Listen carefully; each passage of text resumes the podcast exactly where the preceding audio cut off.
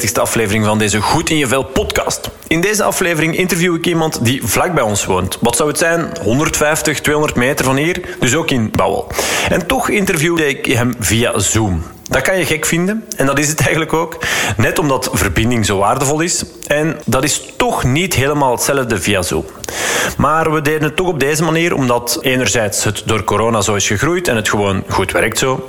Maar anderzijds omdat ik dan ineens de beelden heb om ook op mijn YouTube-kanaal te zetten. Dat deed ik in het begin niet, maar ondertussen zet ik elke zondag de beelden van een aflevering van deze podcast online op WordFit TV, de naam van mijn YouTube-kanaal.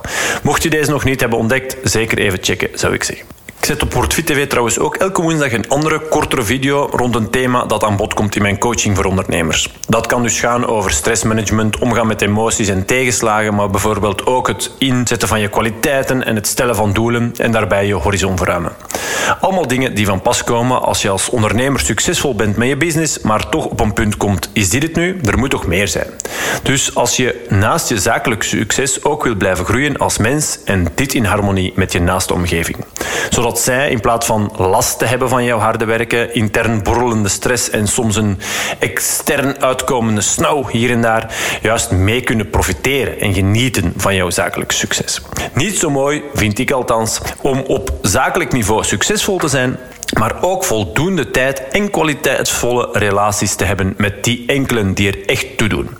Mijn gast in deze aflevering heeft dit allemaal netjes op orde. Hij gunt het zichzelf regelmatig om uit de waan van de dag, die van algemeen directeur van zijn bedrijf, te stappen en soms alleen, soms met zijn gezin te genieten van vrijheid. Avontuur ook. Zo werd hij eens gered 800 kilometer van de kust door een containerschip dat onderweg was van Antwerpen naar Philadelphia omdat in zijn zeilschip het water al een halve meter hoog stond, midden in de nacht. Alleen dit verhaal maakt het al de moeite waard om deze aflevering te beluisteren. Maar we bespreken ook tal van andere interessante zaken. Zoals het opnemen van een bepaalde rol en dat die rol je zoveel energie vraagt dat je in een andere rol niet te genieten bent en weinig energie overhoudt. Het feit dat er niets mis is met ambities, je eigenheid behouden onder stress, regelmatig tegen eenzelfde muur aanlopen. Heel interessant interview werd het weer al. Ik zou zeggen, gun jezelf een momentje en laat je inspireren door ondernemer, zeiler, avonturier, toekoer, levensgenieter en nog zoveel meer. Mike Celis.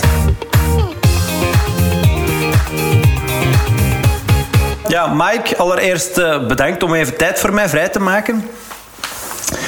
Stel, jij ligt op je sterfbed. Hopelijk mag dat moment nog, nog lang wegblijven, hè? maar welke dingen wil jij je dan vooral kunnen herinneren? Nu, uh, goh, uh, dat is een vraag dat je wel in zulke gesprekken als dit kan verwachten. Enerzijds. Uh, anderzijds is het een thema dat mij al heel veel heeft bezig gehouden. Uh, waarom? Ik heb mijn carrière gestart in de zorg. Ik ben verpleegkundige van opleiding. Ehm, en ik heb heel wat mensen al zien sterven in mijn leven letterlijk, letterlijk en figuurlijk kan ik zeggen, uh, maar echt zien sterven. Uh, enerzijds met de dingen die ik in mijn vrije tijd heb gedaan bij de brandweer, maar vooral in mijn, uh, in mijn leven als verpleegkundige. En dan begin je wel over die zaken gaan na te denken, van te kijken van, goh, ja, um, wat vinden mensen nu belangrijk de dag des oordeels, zeggen ze. De dag des oordeels. Er is onder, ook een boek verschenen van een Australische verpleegkundige. Die heeft er vijf dingen uh, naar boven gehaald, uh, die dat de meeste mensen op de dag des oordeels, waar ze spijt van hebben. En dat is iets dat ik altijd meepak in de dingen dat ik doe. En dat is heel veel dingen komen terug uh, naar het menselijk, het vriendschappelijk, het familiaal gegeven. Uh, en niet zo naar het materiaal, het materialisme. En dat is ook dingen dat ik meepak in, in, in de organisaties dat ik leid. Ik wil eigenlijk een, uh, de dingen dat ik neerzet, dan wil ik dat, dat, dat, dat we er een betere wereld van kunnen maken. En dat we de zaken die dat we doen, dat dat ofwel uh, mensen helpt, oftewel onze maatschappij helpt. En dat is ook iets waar dat ik uh, aan herinnerd wil worden als ik op mijn sterfbed lig. Natuurlijk, voor al die dingen te verwezenlijken heb je centen nodig. En dan kom je eigenlijk in heel het sustainable verhaal terecht van Planet People en Profit, waar dat de profit niet onbelangrijk is om, om uw verhaal waar te maken.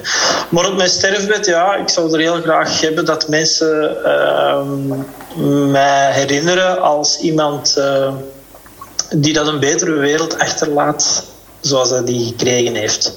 Of dat dat uh, zo gaat zijn, dat zullen we op dat moment zelf moeten bekijken. En dat zullen de meesten dan wel uitmaken. Um, maar ik bedoel mijn best eigenlijk om, om, om eigenlijk op dat gebied, op dat, alleen dat verhaal een rol te spelen. Ja, oké, mooi. Ik denk dat je de eerste bent die, die daar echt effectief ja, zo concreet hard al heeft over nagedacht. Ik, heb ondertussen toch al wel wat mensen geïnterviewd voor deze podcast. En, en, en ik, ik denk dat ik ze vaak misschien een beetje overval met deze vraag op een of andere manier, ja. En, en dan vaak gewoon de, de ja, oké, iets achterlaten, dat wel. Dat komt heel vaak terug. Ik wil wel iets achterlaten, iets betekend hebben, uh, dat wel. En dan familie, vrienden uh, en mijn kinderen. Um, leuke momenten, maar zo... Um, ja, de dag des oordeels, dat vind ik al mooi. En dat je daar effectief. Uh, het, ik vind het wel heel mooi, het spijt. Of het, dat, is, dat is ook bij mij wel iets. Uh, van niet te veel spijt hoeven te hebben uh, van dingen die je niet gedaan hebt of dingen die je net te veel hebt gedaan. Uh, ja. ja. dat denk ik, uh, dat, dat is voor mezelf ook wel zo. En dan, ja, maar goed, ja, het is, er zijn veel interessante dingen waar ik ze, ze biedt graag ook nog even verder dieper op inga. Um, maar voor degenen die jou niet kennen, ook wel belangrijk misschien om, om die vraag even te stellen. Um, ja, wie is Mike Celis?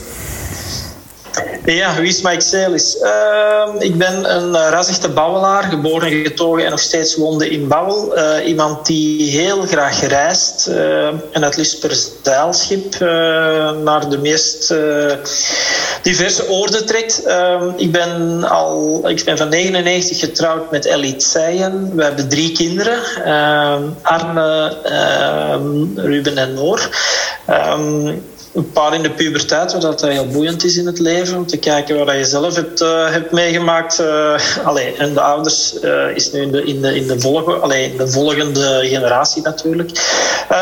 verder ben ik eigenlijk verpleegkundige van opleiding, gespecialiseerd in psychiatrie. Maar heel snel tot ontdekking gekomen van ja, kijk, er is meer dan louter een 9-to-5 job. In de verpleging is een 9-to-5 job natuurlijk een raar gegeven. Mhm. Maar je kunt meer doen ehm, met het leven dat je hebt. En we leven nu eerlijk gezegd in een maatschappij dat we dikwijls, de meeste mensen onder ons hebben ook een keuze dat ze kunnen maken. En ik heb de keuze gemaakt om, om, om achter mijn de, mijn dromen te gaan, waar dat ik uh, als, zelfs als, als jonge knaap al uh, mee zat. En dat was eigenlijk het, het, het, het, wereld zien langs een zeilboot, uh, mensen samenbrengen, die zaken allemaal. Ehm, en ik heb ook ik heb mijn eerste zelfstandige uh, activiteit opgestart als ik 18 jaar was. Uh, toen noemden ze dat nog CLW. En dat was louter een, uh, een, dat ik gekocht had. En ja, de kosten, te ver, de kosten eruit te halen werd dat wat verhuurd in, vanuit Oostende. En ehm, dan is dat verder gaan groeien. Ben ik werkzaam geraakt in, in, in, in de verpleging, in de psychiatrische instelling in Duffel, in de thuisverpleging beland. Ehm, en vandaar het is eigenlijk CT Paramedics ontstaan. En, en, en City Paramedics is het verhaal, het eerste verhaal waar je, uh, toen was ik uh, 30 jaar, het eerste echte verhaal dat we, dat we zijn beginnen ondernemen.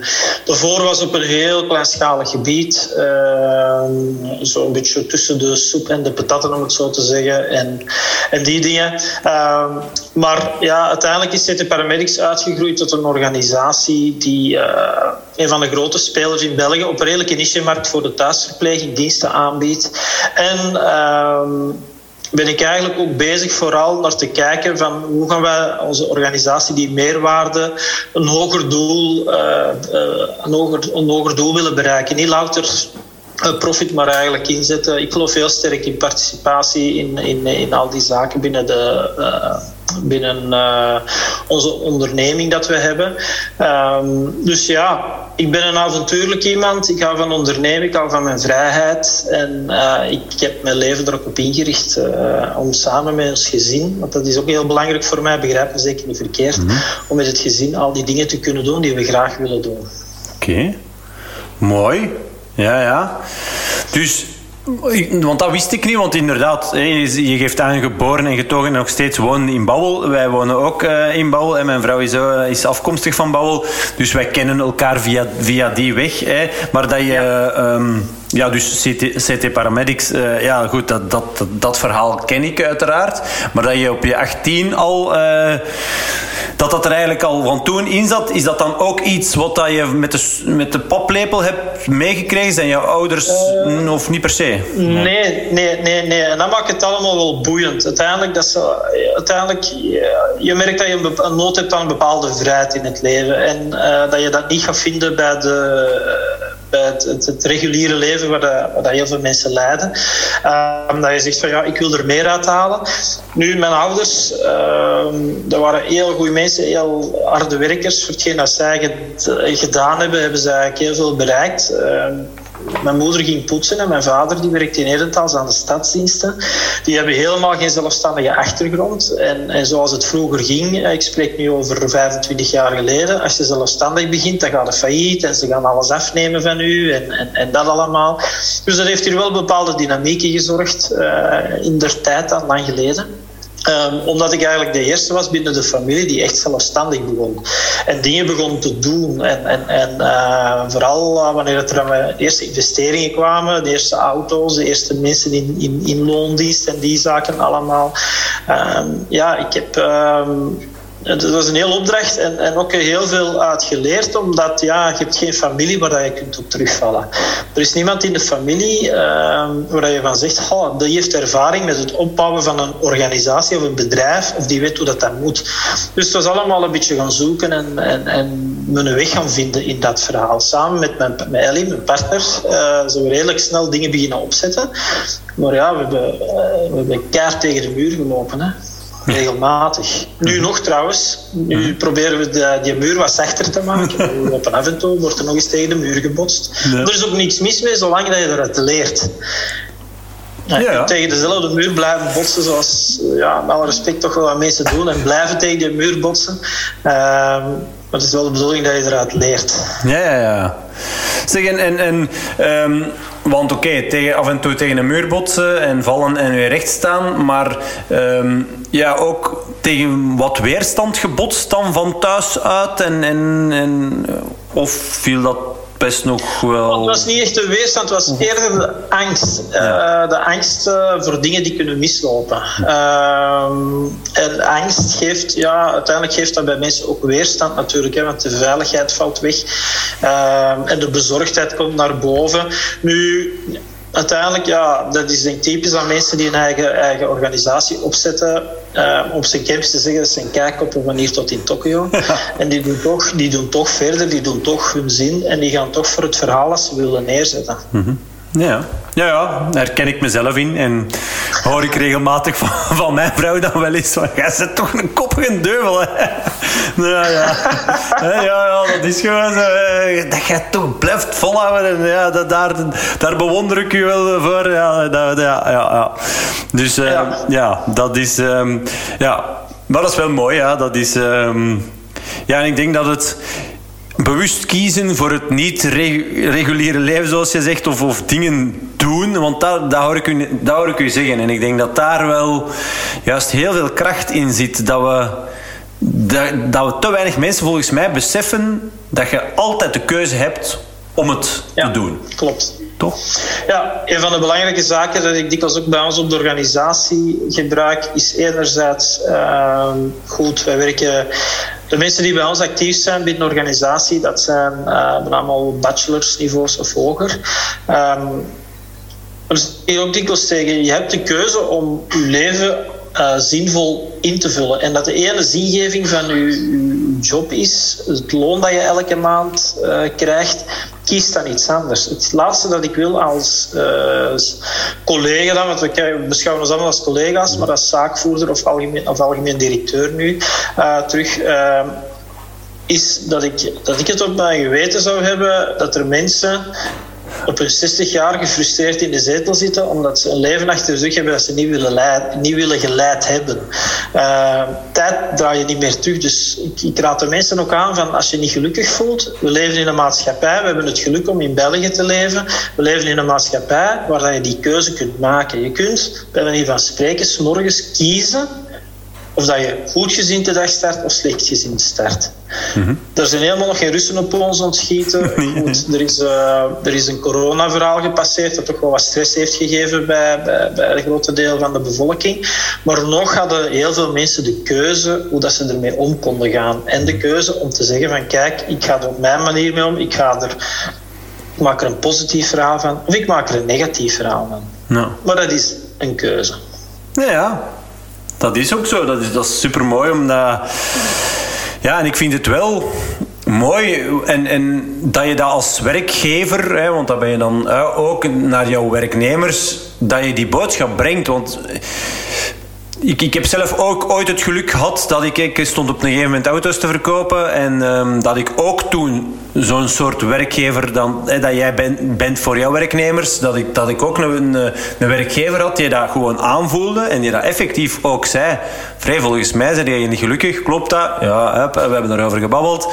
Uh, en hij heeft mij toen aangeraden van ja, hè, toen er tijd uh, begint met personal training, want ik was daar toen al wel wat mee bezig en zo. Allee. Dus, maar goed, dat is toch ook niet... Ik vind dat wel heel mooi dat je dat doet. Dat, dat is, en wordt, wordt dat geapprecieerd? Ja, waarschijnlijk. Of, of, oh, ja, ja, weet je, dat geeft ook een beetje een dubbel verhaal. Ik heb een, langs een, een heel kort gesprek met iemand van de medewerkers bij ons gehad. Ik weet van welke job dat zij droomt. Ik weet dat wij die job haar bijvoorbeeld nooit kunnen geven. Ik heb er gewezen op een collega van mij die zulks een job zoekt. Ja. Nu, achterliggend kun je wel zeggen van goh, ja, het idee komt er van die wilt van mij vanaf of, of die zaak. Uh, maar ja, eh, dat is moeilijk hard te maken. Uiteindelijk, hetgeen dat ik belangrijk vind, is dat mensen eigenlijk uh, het leven leiden dat ze willen leiden. En dat ze daar ook natuurlijk terug die keuzes maken en hun verantwoordelijkheid nemen om die keuzes te maken. Ja. Alleen over de keuzes die ze genomen hebben. Uh, maar wat staat mij in de weg als om het zo te zeggen, als werkgever, uh, om mensen, als je weet dat mensen er beter van kunnen worden, om te zeggen van zeg kijk, dat is een opportuniteit, dat is een, een verhaal dat hier langskomt. Ik weet dat vanuit mijn netwerk. Ik weet dat jij er veel, misschien veel beter in gaat voelen dan dat je, dat je hier gaat voelen. Een kwestie van jobinhoud en, en, en dingen dat je graag doet. Goh ja, waarom probeer je dat dan niet? Is niet. Uh, maar het, het komt erop neer van ja, ik, ik vind het ook niet erg als mensen bijvoorbeeld het bedrijf verlaten uh, als, ze dat, als, ze, als ze naar dingen toe lopen. Hè? Um, mensen maken dikwijls keuzes omdat ze van dingen weglopen. Ja. Um, gaan, ze, gaan ze bepaalde dingen doen en dat is dan meestal ad hoc, niet goed over nagedacht, omdat ze op het wegvluchten zijn van iets anders. Als ze naar iets toe lopen, is dat een heel ander verhaal. Uh, als ze zich beter in een ander verhaal voelen. Uh, hetzelfde Um, hetzelfde verhaal heb je ook met mensen met strategische verandering, uh, change management bijvoorbeeld. Ja, als mensen zich niet meer goed voelen in, in het verhaal dat je als organisatie aan het schrijven bent, ja, dan kun je beter het gesprek aangaan en kun je ze helpen om, om, om, om, die keuze te maken om naar een ander verhaal toe te lopen in plaats van alles te laten ophopen en dan frustraties te gaan en op een gegeven moment in allerijl op de vlucht slaan naar een, uh, naar een andere organisatie waar dat ze waarschijnlijk in, hetzelfde, in dezelfde dingen terechtkomen. Ja, ja, ja. Dus als je een boodschap, als ik het goed begrijp, als je dan wegloopt tussen aanhalingstekens, loop dan naar een plek waar het beter is. Oh ja, je ziet dat heel veel bij mensen die komen solliciteren. Uh, of dat die, als je daar wat op doorvraagt, merken van kijk, die komen, die komen naar ons, die geloven in ons verhaal, die geloven in het CT verhaal dat we willen brengen, of die lopen weg van een ander verhaal. En als ze weglopen voor een ander verhaal, is de motivatie uh, anders. En dikwijls ook niet intrinsiek, dan is het gewoon een uitweg. En dan is dikwijls elke uitweg goed genoeg. Maar hetzelfde met mensen waar je mee samenwerkt. Uh, je moet eigenlijk voorkomen dat ze in een uh, in, in, in een soort manier van werken terechtkomen dat, dat het hun verhaal niet meer is. Dan moet, je, moet je eigenlijk heel snel kunnen, kunnen het gesprek aangaan met de mensen. Zeggen van, ja, kijk, er zijn andere, andere dingen met je leven.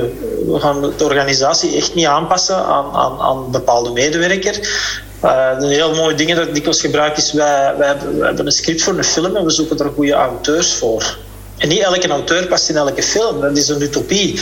En ook als we vandaag een film maken en binnen twee jaar maken we een andere film. Hè, uh, maken we vandaag een western en volgende binnen twee of vijf jaar maken we een science fiction serie.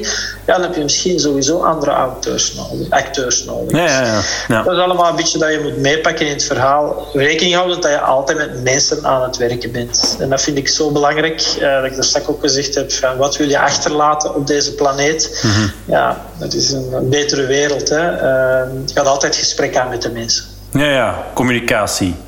Communicatie, ja. Belangrijk. En, en is dat iets... Want ja, jij hebt een, een, een achtergrond van als verpleegkundige, psychiatrie. Ja, oké, okay, psychiatrie, daar zit dan misschien... Komt daar dan... Dat, dat heb jij dat daar dan geleerd? Of is dat iets wat altijd een oh. beetje in jou heeft gezeten? Of... Leiderschap, ja, ik, ik, ik, ik, uh, ik projecteer dat dikwijls als een soort vorm van leiderschap. Uh, communicatie, leiderschap, uw verantwoordelijkheden opnemen, is dikwijls, ja, dat zijn dingen dat je kunt leren. Er zijn, er zijn uh, hoe moet ik het zeggen, tools of trucs, modellen, ja. ja. trucs, tools voor om te zeggen van kijk, um, zo gedraag je je als leider. Maar ik geloof heel sterk in dat er toch iets in u moet zitten dat erin, dat, dat dat al heeft. En dat kan alleen maar verbeterd worden met, uh, met tips en tricks en al die zaken. Um, als het er niet in zit, of, um, dan vraagt dat voor mensen heel veel ontwikkeling. Nu, dat is iets dat mij altijd al heel hard heeft geïnteresseerd, is waarom stellen mensen bepaalde gedragingen, waarom doen ze dat, hoe komt dat, uh, hoe kun je daarmee omgaan. En dan kom je heel snel tot het beeld van, uh, ja, van jezelf. Hè. Mm -hmm. van hoe komt het dat, mij, dat, dat ja, wat mensen, andere mensen doen bijvoorbeeld, kun je niet beïnvloeden. Nee, nee. Je kunt alleen beïnvloeden dat dat bij je binnenkomt. Daar kun je wel iets aan doen. Ja. En waarom treft dat mij of waarom trek ik mij dat nu aan en hoe komt dat dan? En dat is eigenlijk het verhaal van, van dat mij heel hard al heel lang interesseert. En, en, en waarom dat je tegen de ene kunt zeggen bijvoorbeeld van... Uh, goh, ik, vind dat, ik vind dat je er vandaag niet goed uitziet. Dat je drie weken kwaad is op je. En een ander die zegt, oh bedankt dat je het gezegd hebt. Ja, ja, ja. ja Een groot verschil dus. Maar dat, dat zijn dingen, ja, communicatie hangt heel veel samen met leiderschap, hangt heel veel samen met, uh, met hoe ga je met je mensen om en hoe ga je vooral met jezelf om. Hè? Ja, ja. Ja, want zelf, daar denk ik inderdaad, hè, dat, daar, dat het daar begint. Hè, als je, ja, en, zel, en, dat, en dat dat dan belangrijk is om durven in de spiegel te kijken, zelf, aan zelfreflectie te doen, ook ja. jezelf in vraag te durven en kunnen stellen. Toch? Ja. ja. Ik heb er onlangs ook nog een, een heel interessant boek over gelezen. Uh, voor kerstmis heb ik nog een, uh, een jacht overgezet naar de Barbados. Van Tenerife naar Barbados heb ik uh, bijna drie weken terug op de oceaan gezeten. Mhm. En ik had het boek bij van Connection. Connection, en dat gaat over hoe, hoe kun je leiding geven in deze toch wel dynamische tijden. Mhm. En, en hoe kun je er eigenlijk op, op inspelen, wetende dat je heel veel dingen niet weet. En ook niet heel onze, allee, de VUCA-wereld waar dat we tegenwoordig in zitten. Ehm, niets is nog zeker. Morgen kunnen we wakker worden in een hele nieuwe wereld. Mm-hmm. We weten het niet.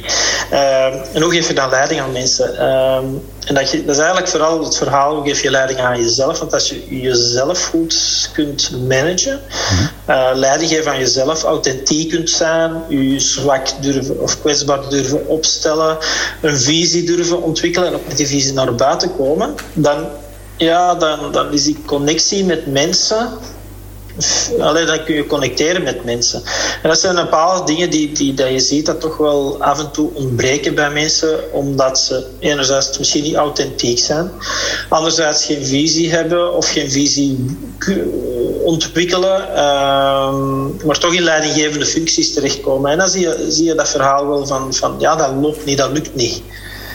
Ja. En dan, dan kom je soms op het verhaal van ja, dan beginnen we maar baas te spelen. Dan, dan, dan, dan krijgen de mensen wel mee, maar dan, dan ben je op angst aan het sturen. En dat, dat, de hele dagen werkt dat ook niet meer. Nee, nee, nee. Nee, nee, nee het, is, ja, het is iets uh, het boeiend. En, en wat dat mij dan vooral...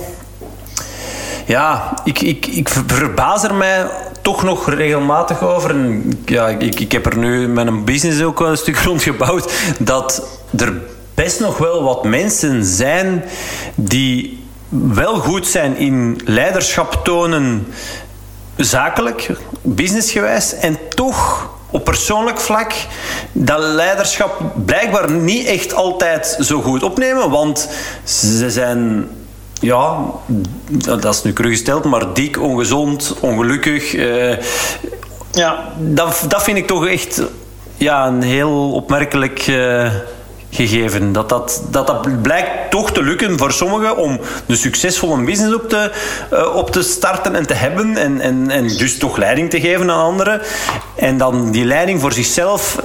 Als ik het nu zo zeg, dan, dan ik vind het bijna onlogisch. Het is, het is eigenlijk bijna onlogisch. Maar toch ja, ja dat is, allee, ik, weet het, ik weet dat natuurlijk niet, want uiteindelijk ik kan mezelf, ik denk dat je dat aan mijn partner of aan mijn vrienden moet vragen, ja, ja. ze Mike privé bijvoorbeeld. Uh ik zeg ook niet dat ik een, een goede leidinggevende ben. Ik, ik, probeer alleen heel goed mijn best te doen om mensen mee te krijgen in een verhaal. Uh, maar ik geloof ook wel dat er heel veel mensen een rol kunnen opnemen.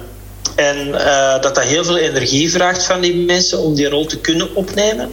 En omdat die rol opnemen zoveel energie vraagt in hun professionele leven, dat die in hun privéleven uh, eigenlijk een beetje de hel op aarde zijn. Ja, ja. Omdat die energie op is.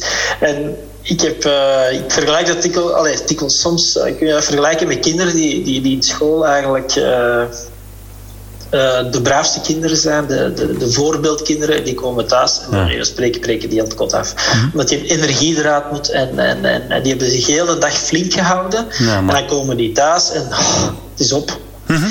En ja, ik, ik, denk dat dat er wel, ook wel kan in meespelen. Dat mensen dan geleerd hebben om een bepaalde rol op te pakken. En die rol is zo energievretend. Ja. Dat ze dat niet geen 24, 24 op 7 kunnen volhouden. Wat ook niet kan. Nee, nee. Um, maar dat kun je dikwijls wel door bepaalde persoonlijkheid... Uh, ja, dingen, assessments en persoonlijkheidstesten, kun je dat dikwijls wel uithalen.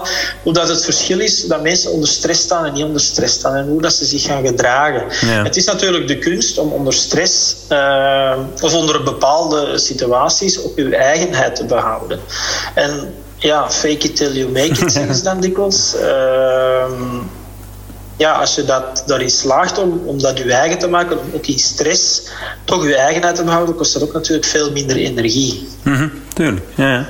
Ja, heel belangrijk om inderdaad die stressmanagement heel dag gegeven daar, daarmee kunnen omgaan. Um, nee, nee, maar goed, dat is wel effectief. Um, voor mij dan ook even gewoon heel. Ik zeg, dat, ik zeg ook wel eens van.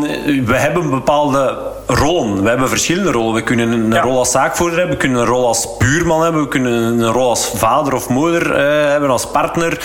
Um, maar, maar goed, ja, ik vind het wel echt voor mijn, voor mijn verhaal, voor mijn marketing is dit, is dit gewoon wat dat jij me nu afgelopen drie minuten hebt gezegd. Dat je een rol op kunt nemen die zo energiek verslindend is.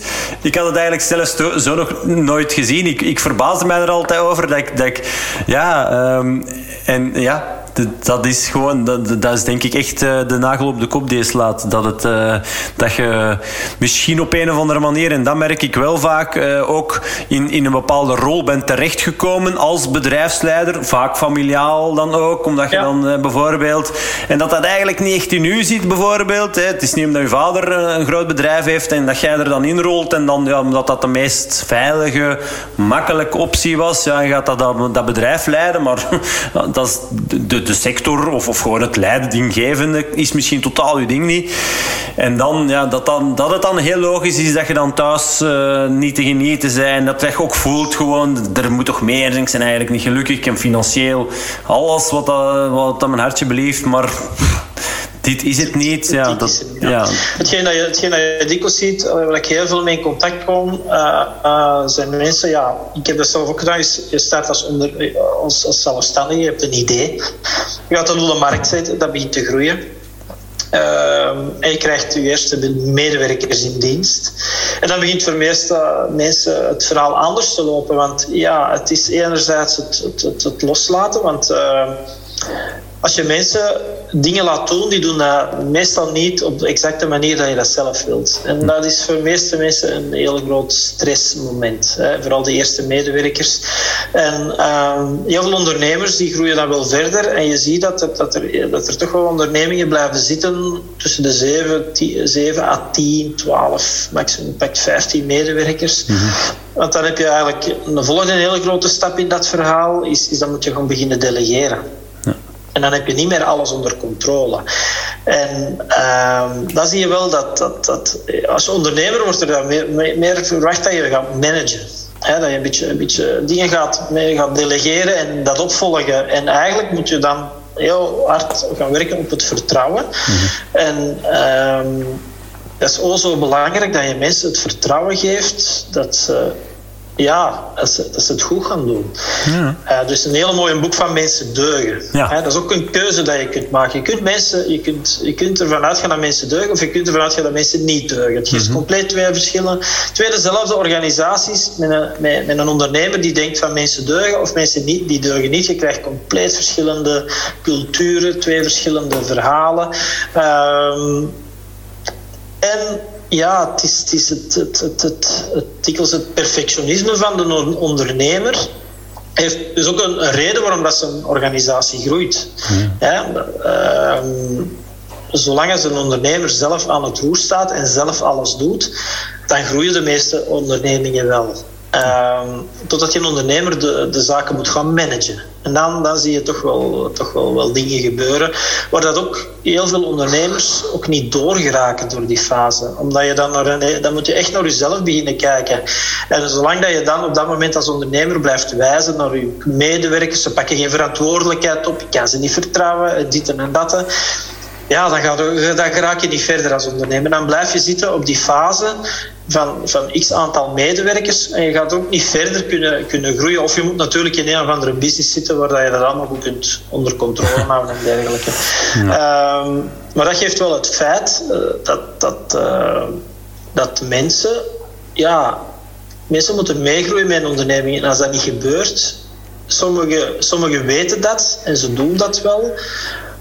Maar emotioneel zijn ze daar niet klaar voor of, of, of, hebben ze die stap toch niet gezet, maar ze weten dat ze dat moeten doen en, en, en, en dan kom je in een verhaal terecht waar dat, er, dat, dat in je ja. hoofd allemaal begint te krassen te doen van, ja. van dat lukt hier niet, ik kan dat niet ik, ik, ik, en, en het, dat is toch moeilijk om als ondernemer te zeggen het lukt mij niet ja, ik heb, ik, heb ja. iemand, ik heb mensen nodig die mij gaan helpen. Hulpvragen, ja. Uh, ik heb, uh, het lukt mij niet. Ik ben geen, en heel veel ondernemers zijn geen managers. En heel veel mensen zijn ook geen ondernemers. Het zijn twee verschillende ja, profielen. Um, de managers die, die, die, die, die, hebben, die, die, die, die regelen dingen, maar die, die springen dikwijls niet. Terwijl een ondernemer zal springen en, en die gaan we minder regelen. Ja, zal ja. zien hoe dat loopt en het komt meestal op zijn poten terecht. Uh, in het zicht van een ondernemer. Uh, dus dat zijn twee verschillende taken die dat eigenlijk op een gegeven moment wel moeten opgenomen worden door dezelfde persoon. Mm -hmm. Ja, ja, ja. Ja, ik vind, uh, ik vind echt. Uh, als ik nu even de, de ondernemers die ik coach voor mijn geest haal, dan niet allemaal, maar zijn en, en ik was echt ook de afgelopen weken aan het denken van moet ik mijn, mijn, mijn niche, hè, zoals dat, dat zeggen ze wel, je moet je, moet je, je niche verkleinen of, of heel specifiek. Eh, die mensen coach ik. Eh, Oké, okay, ondernemers. Um, ik was echt aan het denken, moet ik mij alleen op vrouwen, maar ik merk dat zowel vrouwen als mannen uh, tot bij mij komen. Dus dat, dat, dat is dan ja. uh, wat er straks over kiezen is verliezen, of misschien toch net niet. Hè, voor we dit interview starten, uh, hadden we het daar kort even over.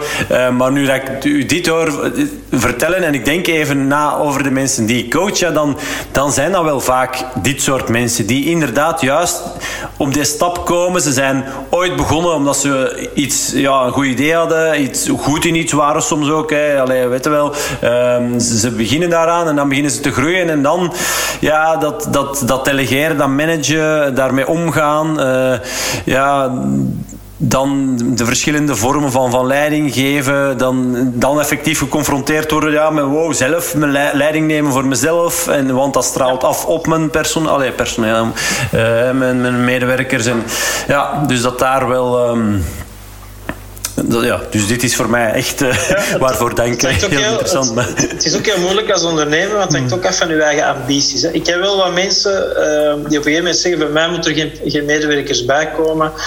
Want ik wil niet nog meer gezever hebben. Ja, ja goed, als je daar van dat standpunt bent en je, gaat, je zegt van oké, dat is het voor mij, ik kan er ook zelf, ik kan niet met mezelf aan de slag, ja, dan moet je dat ook niet doen. Nee, nee. De, uh, in een burn-out helpen, dat gaat je zoveel stress geven, oh, je uh, thuissituatie gaat eronder lijden.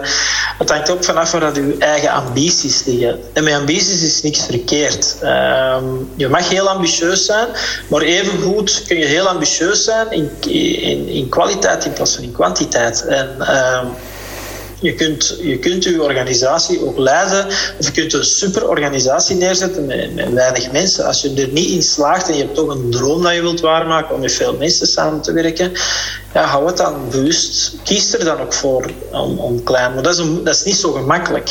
Nee, nee, nee. Om, om niet te groeien. Nee, dat is waar. Ja. En, en wat, wat ik jou hoor zeggen, van dat is nog meer gezeven. Hè. Weer, nog meer werknemers, uh, medewerkers, ja, dat, dat gaat weer nog meer gezever met zich meebrengen. Dat is ook maar een overtuiging. Toch? Dat is een overtuiging. En dat is echt dus een overtuiging. Ik, werk, uh, we hebben, ik heb niet zo'n heel grote organisatie samen met Ellie. Er werken een, een klein 25 mensen. Oh, ik, ik, ik, vind dat super. Ik vind dat, ik vind dat geweldig. Uh, goed, er komen af en toe wel wat proberen, problemen. En het is natuurlijk, het wordt altijd moeilijker om alle neus in dezelfde richting te houden. Mhm. maar, maar, dat is ook een boeiende opdracht om juist die mensen allemaal het juiste op het juiste pad te krijgen en te mhm. houden. Uh, eigenlijk, en ook op een manier dat ze intrinsiek gemotiveerd zijn om dat te doen. Uh, ja, dat is hoe je er naar kijkt. Hè. Dat is hetzelfde met s morgens op te staan. Ik maak er een positief verhaal van, de zon schijnt. Of ik maak er een negatief verhaal van, zoals hier op de station Lei. Ja, de auto staan weer stil, het is precies hetzelfde. Mm Het regent een beetje, terwijl er een, een, prachtig bos voor mijn deur ligt, waar ik elke morgen even ga wandelen. Ja. ja, dat zijn zaken dat je, dat je, dat je, dat je in je hoofd emotioneel kunt, kunt beslissen. Hè. Ja, ja, ja. Wel, en dat, dat is wel echt ook wel iets waar ik um, ja, echt van, van overtuigd ben en, en van, van doordrongen ben ondertussen dat, dat de innerlijke insteek, de innerlijke houding van waar dat je uit, van waar dat je uit vertrekt, ja. Alle, in alle keuzes die je maakt, gewoon, bedoel, als je op voorhand al denken, gaat denken dat het gaat tegenslagen, dat het niet goed gaat zijn, dat, dat je het niet gaat kunnen, dat, dat het gaat. Allee, dat is met alles, met alles zo, maar dat is gewoon wel. Zo, het, is ook, ja. het is ook het verhaal, allee, dat is ook het verhaal van, van, van of dat je nu mensen vertrouwt of niet vertrouwt of wantrouwt, dat is ook een emotionele klik. Het is zo, als je mensen niet vertrouwt, wat ga je dan zien? Vooral mensen die dan niet te vertrouwen zijn. maar in het andere geval, als je mensen vertrouwt, dan ga je ook heel veel mensen zien die je wel vertrouwt. Of die je kan vertrouwen. Dus het is allemaal waar dat je je aandacht op vestigt. En ze zeggen dat hetgeen dat je aandacht geeft, dat groeit. Daar geloof ik ook wel heel hard in. Uh, niet dat dat effectief zo is, maar in je overtuiging, in je beeld groeit dat wel, omdat je die dingen gaat zien. Mm -hmm. uh, je, je, ja, ik heb heel veel, uh, veel ook uh, gecoacht, allee, coaching gehad. En die zegt, die, die, die ene, ene coach gaf ook altijd aan, je krijgt wat je verdient.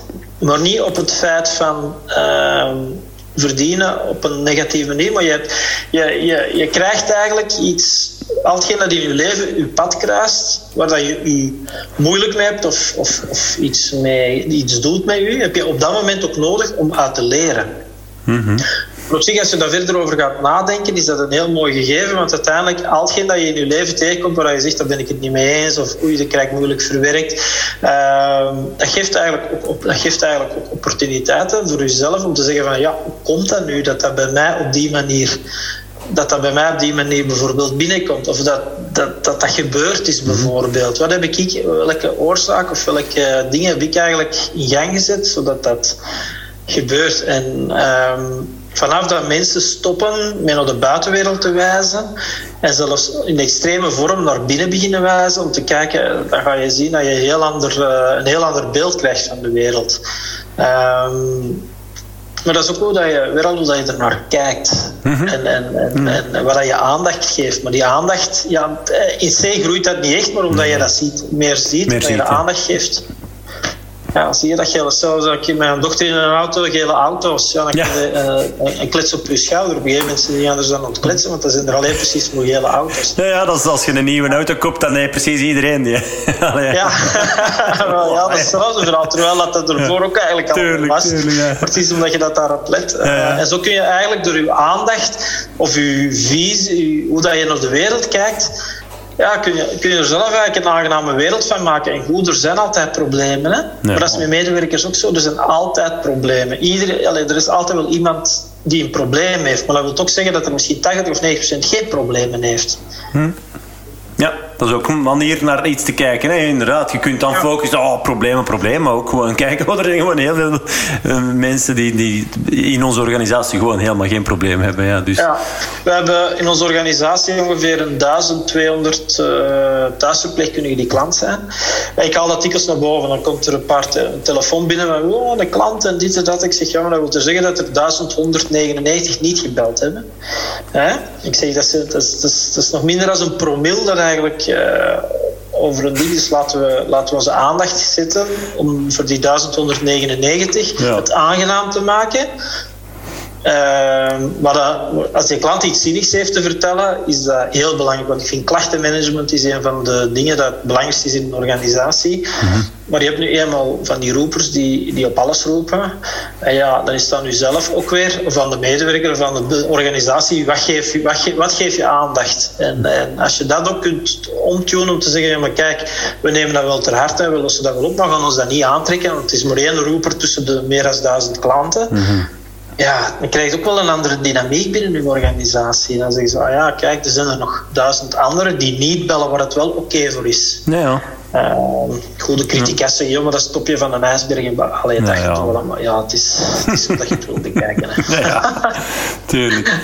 Zeg, en, en want... Um, Jij, wat ik ook wel intrigerend, hè, we hebben het er eigenlijk een stuk over van hè, je, je organisatie groeit, dan is het automatisch een stukje meer loslaten.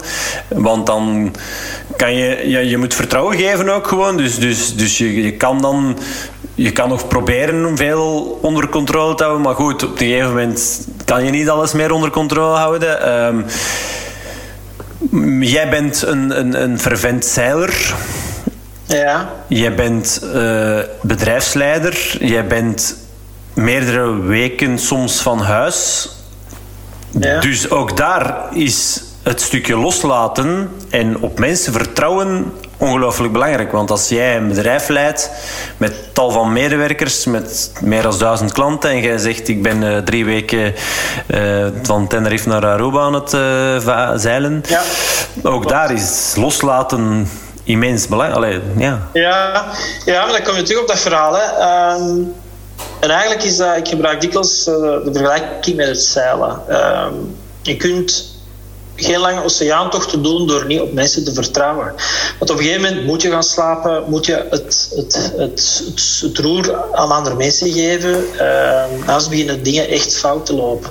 En eigenlijk kun je dat ook een beetje vergelijken met je organisatie ik vraag me dikwijls ook af, uh, en mensen, we hebben gewoon een redelijk open cultuur binnen onze organisatie.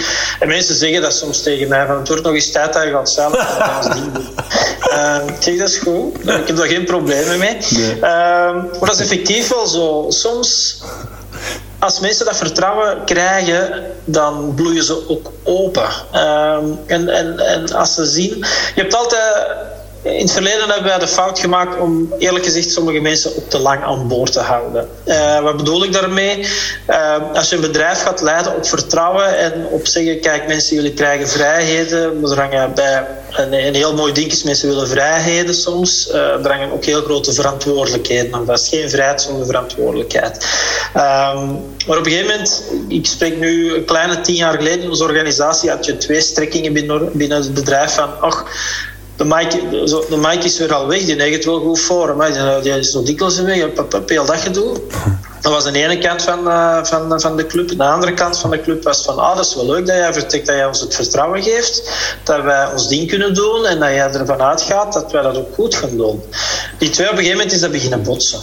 Uh, waardoor natuurlijk de, kant, de positieve kant, laat ik het zo zeggen, gewonnen heeft, omdat, ja, ik vind dat heel belangrijk.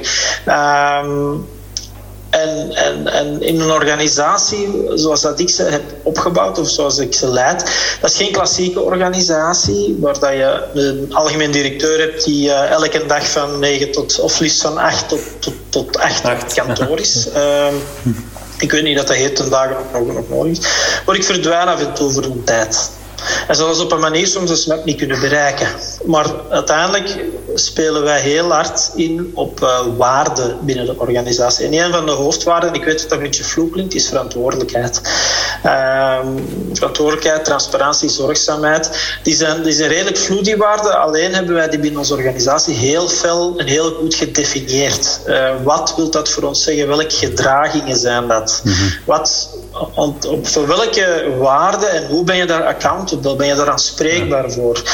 En dat geeft eigenlijk het, het, het, het, het, idee, of toch uh, niet alleen het idee, dat geeft eigenlijk een werking waar dat mensen um, ja, dat ook wel opnemen als ze weten dat ze er worden op aangesproken. En, en we hebben ook altijd gezegd, de waarde staan boven bijvoorbeeld uh, de winst, de, de, de profit.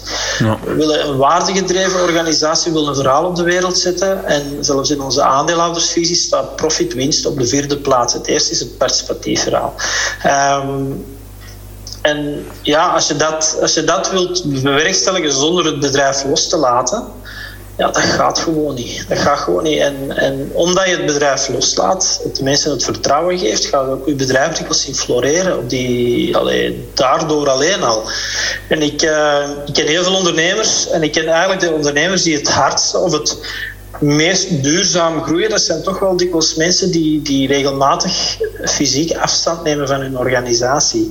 En als ondernemer is het ook zo, of als bedrijfsleider is het ook zo dat je eigenlijk, ik gebruik dikwijls de dingen, ik werk altijd en overal, maar ik werk ook echt altijd en overal. Als je drie weken op de oceaan zit, Um, ik hoor het altijd zeggen, ja, je moet dan zelfreflectie doen, je moet wat afstand nemen. Ik kan u garanderen, na drie weken heb je wel wat zelfreflectie gedaan en heb je toch ook wel wat afstand genomen. Mm -hmm. nee. Ik heb er ook niks anders te doen. Nee, nee, ja, ja. Het is kei confronterend voor, ja, voor u ook waarschijnlijk, voor iedereen. Allee, voor iedereen. En, maar dat, dat is juist hetgeen ook waar dat ik denk en echt in geloof dat het juist is wat je soms moet opzoeken.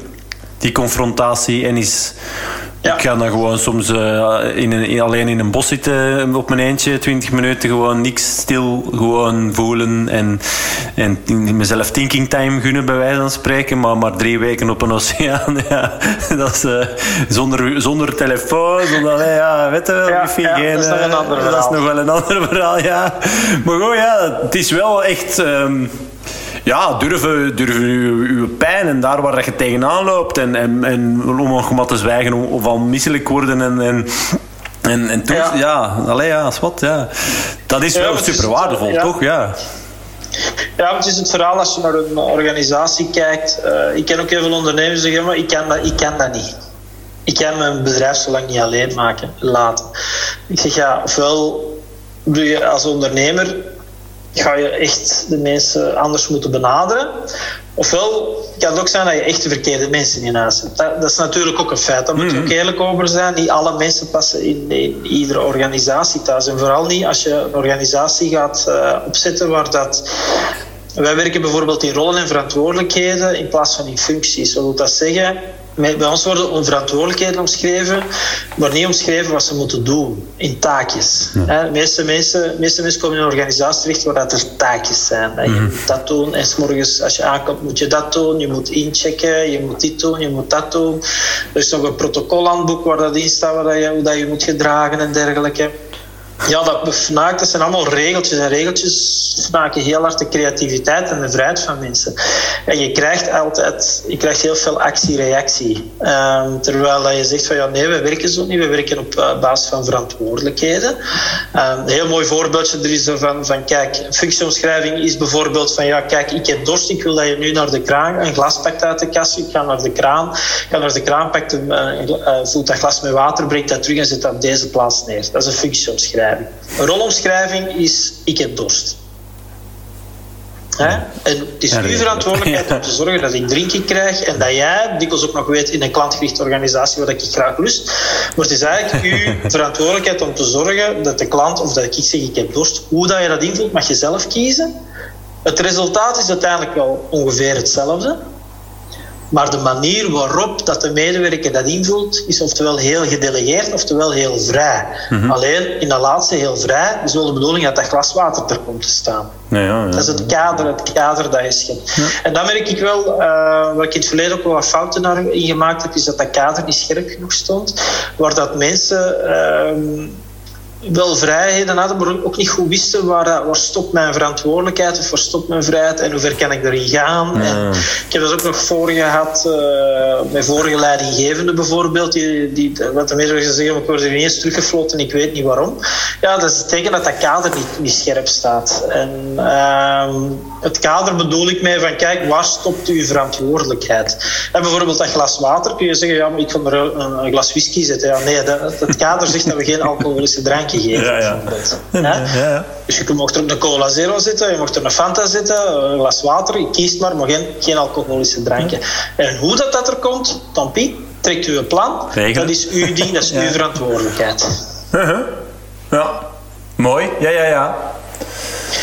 Maar ik ga nu eerlijk zeggen dat wij gaan overgestapt zijn van functies naar uh, verantwoordelijkheid, naar rollen. Mm is er eigenlijk uh, toch wel wat volk bij ons, is er een grote personeelswissel geweest. Omdat mensen ineens ook weer paraplu-gedrag werkt dat niet meer. Ja, maar ja. Oh, ik ja, moet dat niet doen, dat staat er niet in. Of, of uh, die zaak. Dus dat werkte niet meer. En mensen werden ook op aangesproken. Uh, en daardoor is er wel toch wel, ik denk, bijna 40% van de mensen op een jaar tijd geswitcht. Okay, ja. Omdat die zeggen, oh nee, oh, zo'n oh. omgeving wil ik niet werken. Ik wil dat iemand tegen mij zegt wat ik moet doen.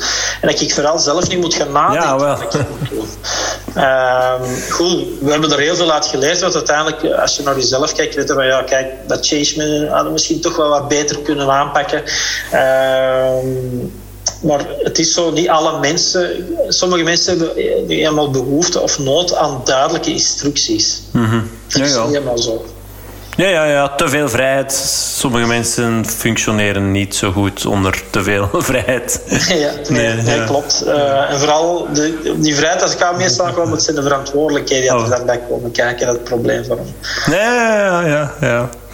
Wat dat als ondernemer als, als, als, allez, als ik het voor, maar ik denk dat ik voor u ook mag spreken, als wij dat vanuit ons standpunt bekijken, is, is dat is uw verantwoordelijkheden nemen en die vrijheid opnemen, ja, dat is, dat is iets wat dat gewoon in, in ons ziet belangrijk is. Dat, dat, terwijl, maar goed, daarvoor zijn, zijn er sommige ondernemer en andere werknemer. En is iedereen anders ook. Hè, dus, ja, ja, ook, uh, ja. volledig. Ja, nee, oké. Ja.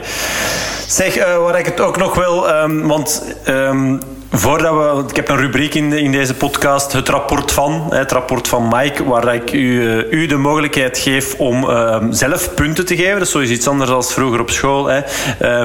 Op zowel de psychologische als de biologische basisbehoeften omdat ik daar ook in mijn coaching rond werk. Omdat dat gewoon um, een belangrijke rol speelt in... Ben ik aan het leven of eerder aan het overleven? Hè? Um, dus, en, en, hoe, en, gewoon omdat het uh, ook weer al boeiende gesprekstof oplevert.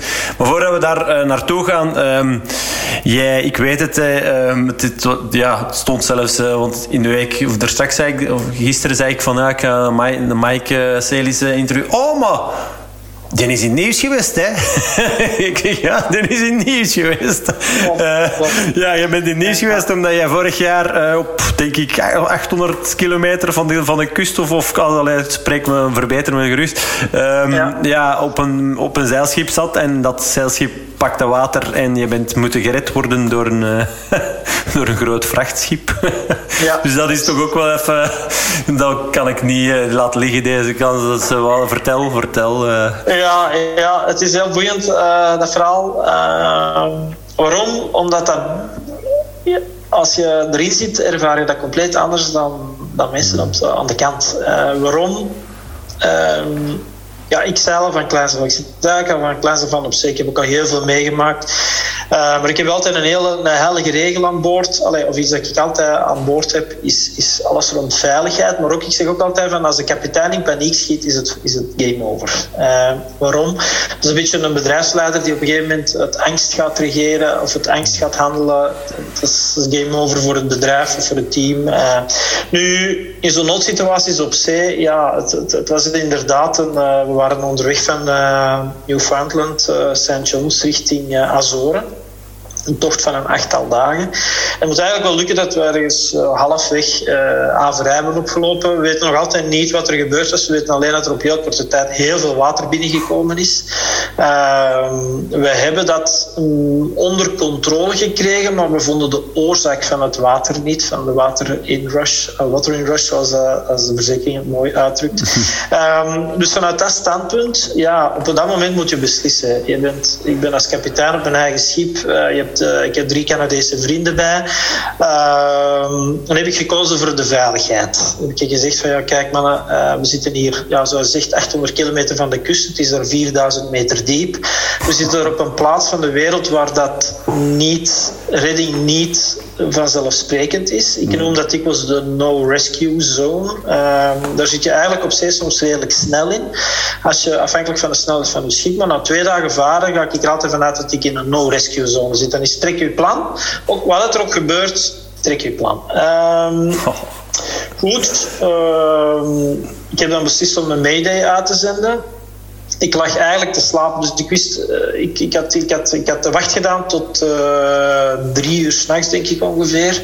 Uh, ik lag te slapen aan de, aan de lage kant, de zeilboot daar hangt schuin. -hmm. aan de lage kant lag ik te slapen toen dat die, we werden geraakt door een heel grote golf. dus ja, het eerste wat je doet is binnen alles nakijken. het water stond een halve meter hoog collega wakker gemaakt, Erik, die dat lag te slapen, mee gaan zoeken, naar buiten gaan, wat zeg, kijk, haalt alles naar beneden, dat die krachten van dat schip komen, pompen allemaal opgezet, alles mogelijk wat je kon doen, dat kon pompen. We kijken naar het lek, we vonden dat niet. Uh, ik, gezegd van de, ik weet nog heel goed dat ik tegen Erik zeg, ik denk dat, uh, I think we better do a mayday call. ja, het was een Engels aan boord. Nee. Dus een mayday oproep gedaan. en werd er, werd er, kregen we een antwoord van een vrachtschip in de buurt. wat eigenlijk enerzijds een geluk en een ongeluk. Allee, een pech was. Waarom? Een geluk is uh, twee uur later, drie uur later werden wij gered door dat schip. Maar ja, vanuitgaand dat je. Uh, ik had in mijn achterhoofd van ja, als we vandaag of morgen of de komende dagen gered zijn, is het goed. We hebben nog een reddingsslot en dergelijke. Dus het was allemaal nog niet ja. levensbedreigend op dat moment. Het kon wel heel snel veranderen, maar er was nog, het was nog onder controle. Um, dus Mayday al gedaan, het schip komt langs. Um, we hebben dingen kunnen meepakken, alleen een paar, paar dingen kunnen meepakken op het schip. En dan zijn wij, eigenlijk hebben we het zeilschip achtergelaten en zijn we met dat vrachtschip, uh, dat kwam van Antwerpen. Oh. En dat was op weg naar Philadelphia. Dus uh, zijn we mee naar Philadelphia gevaren. Um, nu achteraf gezien, die redding was heel leuk. Um, maar stel als we nog een dag hadden, hadden opgezeten, hadden we wel echt verder kunnen zoeken van waar komt dat water hier. Want achteraf ja, zijn er wel wat discussies natuurlijk met verzekeringsmaatschappijen en dergelijke. Die zeggen van, ja maar oh, uh, goh, moest het schip wel verlaten. Uh, allee, ja, ja, ja. Het, nee, het eigenlijk niet, want niemand heeft gezegd dat. Iedereen heeft gezegd dat het is een heel verstandige beslissing dat je het schip hebt verlaten. Maar eigenlijk de verzekering, op een gegeven moment zeggen ze: ja, was er wel een, een imminent danger of life, direct gevaar voor leven. Ik zeg ja, ik zeg op dat moment moeten beslissen. Je moet een beslissing nemen met de gegevens dat je op dat moment hebt. Water binnen, Buiten was het windkracht 6-7. Goed, dat, dat, dat, dat, is, dat is niet... Dat is sportief, maar dat is niet spectaculair of, of, of onrustwekkend. Golven van een meter of drie hoog, dat waarschijnlijk die ons geraakt heeft als een grote golf van een meter of vijf, zes dat ertussen zat, dat weten we niet. Het was donker. Uh, maar op dat moment moeten we wel beslissen. En ik heb gekozen om, om voor de veiligheid, voor, voor, voor de opvarenden en voor mezelf, uh, die mede uit te sturen. Dus ja, uiteindelijk de verzekering heeft ook akkoord gegaan en, en, en, en al die dingen. Dus. Maar dat, heeft, ja, dat is toch wel een, een, een ding dat je blijft blijft uh, achtervolgen. Enerzijds omdat je niet weet van wat is er nu eigenlijk gebeurd? Heb ik nu iets over het hoofd gezien of niet? Uh, we weten dat we alles dubbel gecheckt hebben. Uh, dat we zeggen nee, we hebben niks over het hoofd gezien. Er is effectief ergens iets gebeurd waar we niet onder controle hadden. Mm dus in dat opzicht, ja, zegt ook zoals de zeker, ja, je hebt echt een goede. Niemand ontkent dat je niet van boord had mogen gaan. Niemand gaat dat zeggen. Alleen zeggen ze van ja. Mm, wat als je nog aan boord had gebleven? Ja, ja, ja.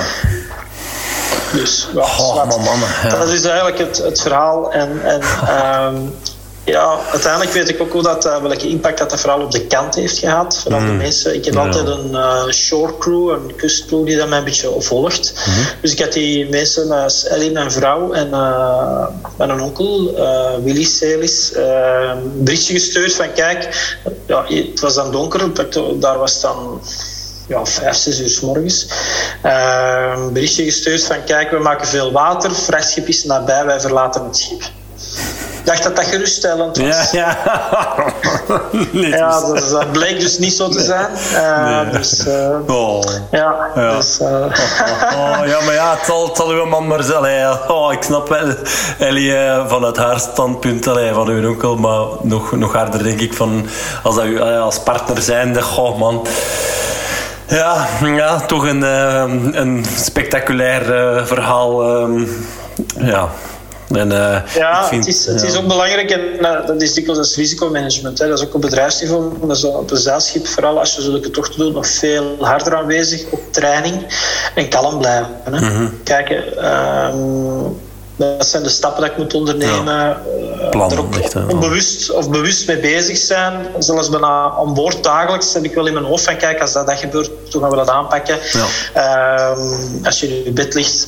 En want een van de, van de nachtmerries dat in zeilschip kunnen gebeuren, vooral de nieuwe, alleen vooral de jachten waar je nu meer en meer van hoort, de moderne jacht, is dat die kiel afbreekt. En eigenlijk dat die op een heel op een half seconde ondersteboven draait en, en, begint te zinken. Maar als je binnen ligt te slapen in je slaapzak en ze draaien, je kunt dat vergelijken met thuis, ze, ze draaien daar rond en zoekt u weg. Het loopt vol water en zoekt ja. u weg naar buiten.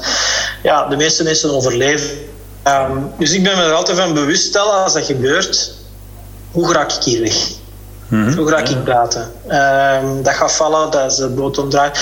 Ja, goed. Ondertussen hebben we een nieuw zeilschip, dat is van staal. Ja, okay. je hebt al die problemen natuurlijk niet. Dat gaat geen kiel afbreken. Um, dat is solide, gelast. Vier, vier waterdichte segmenten. Um, voldoende pompen. ja, dat is een ander verhaal. Ja. Dus wij zijn nu, uh, zelfs een nieuw verhaal aan het schrijven. Ja. Mm -hmm. Zeg, en, wat ik me nu even afvraag, en dat is ook natuurlijk een van onze biologische basisbehoeften, um, ja, slaap, maar, maar, maar als ik het dan iets verder doortrek naar, naar rust, in hoeverre.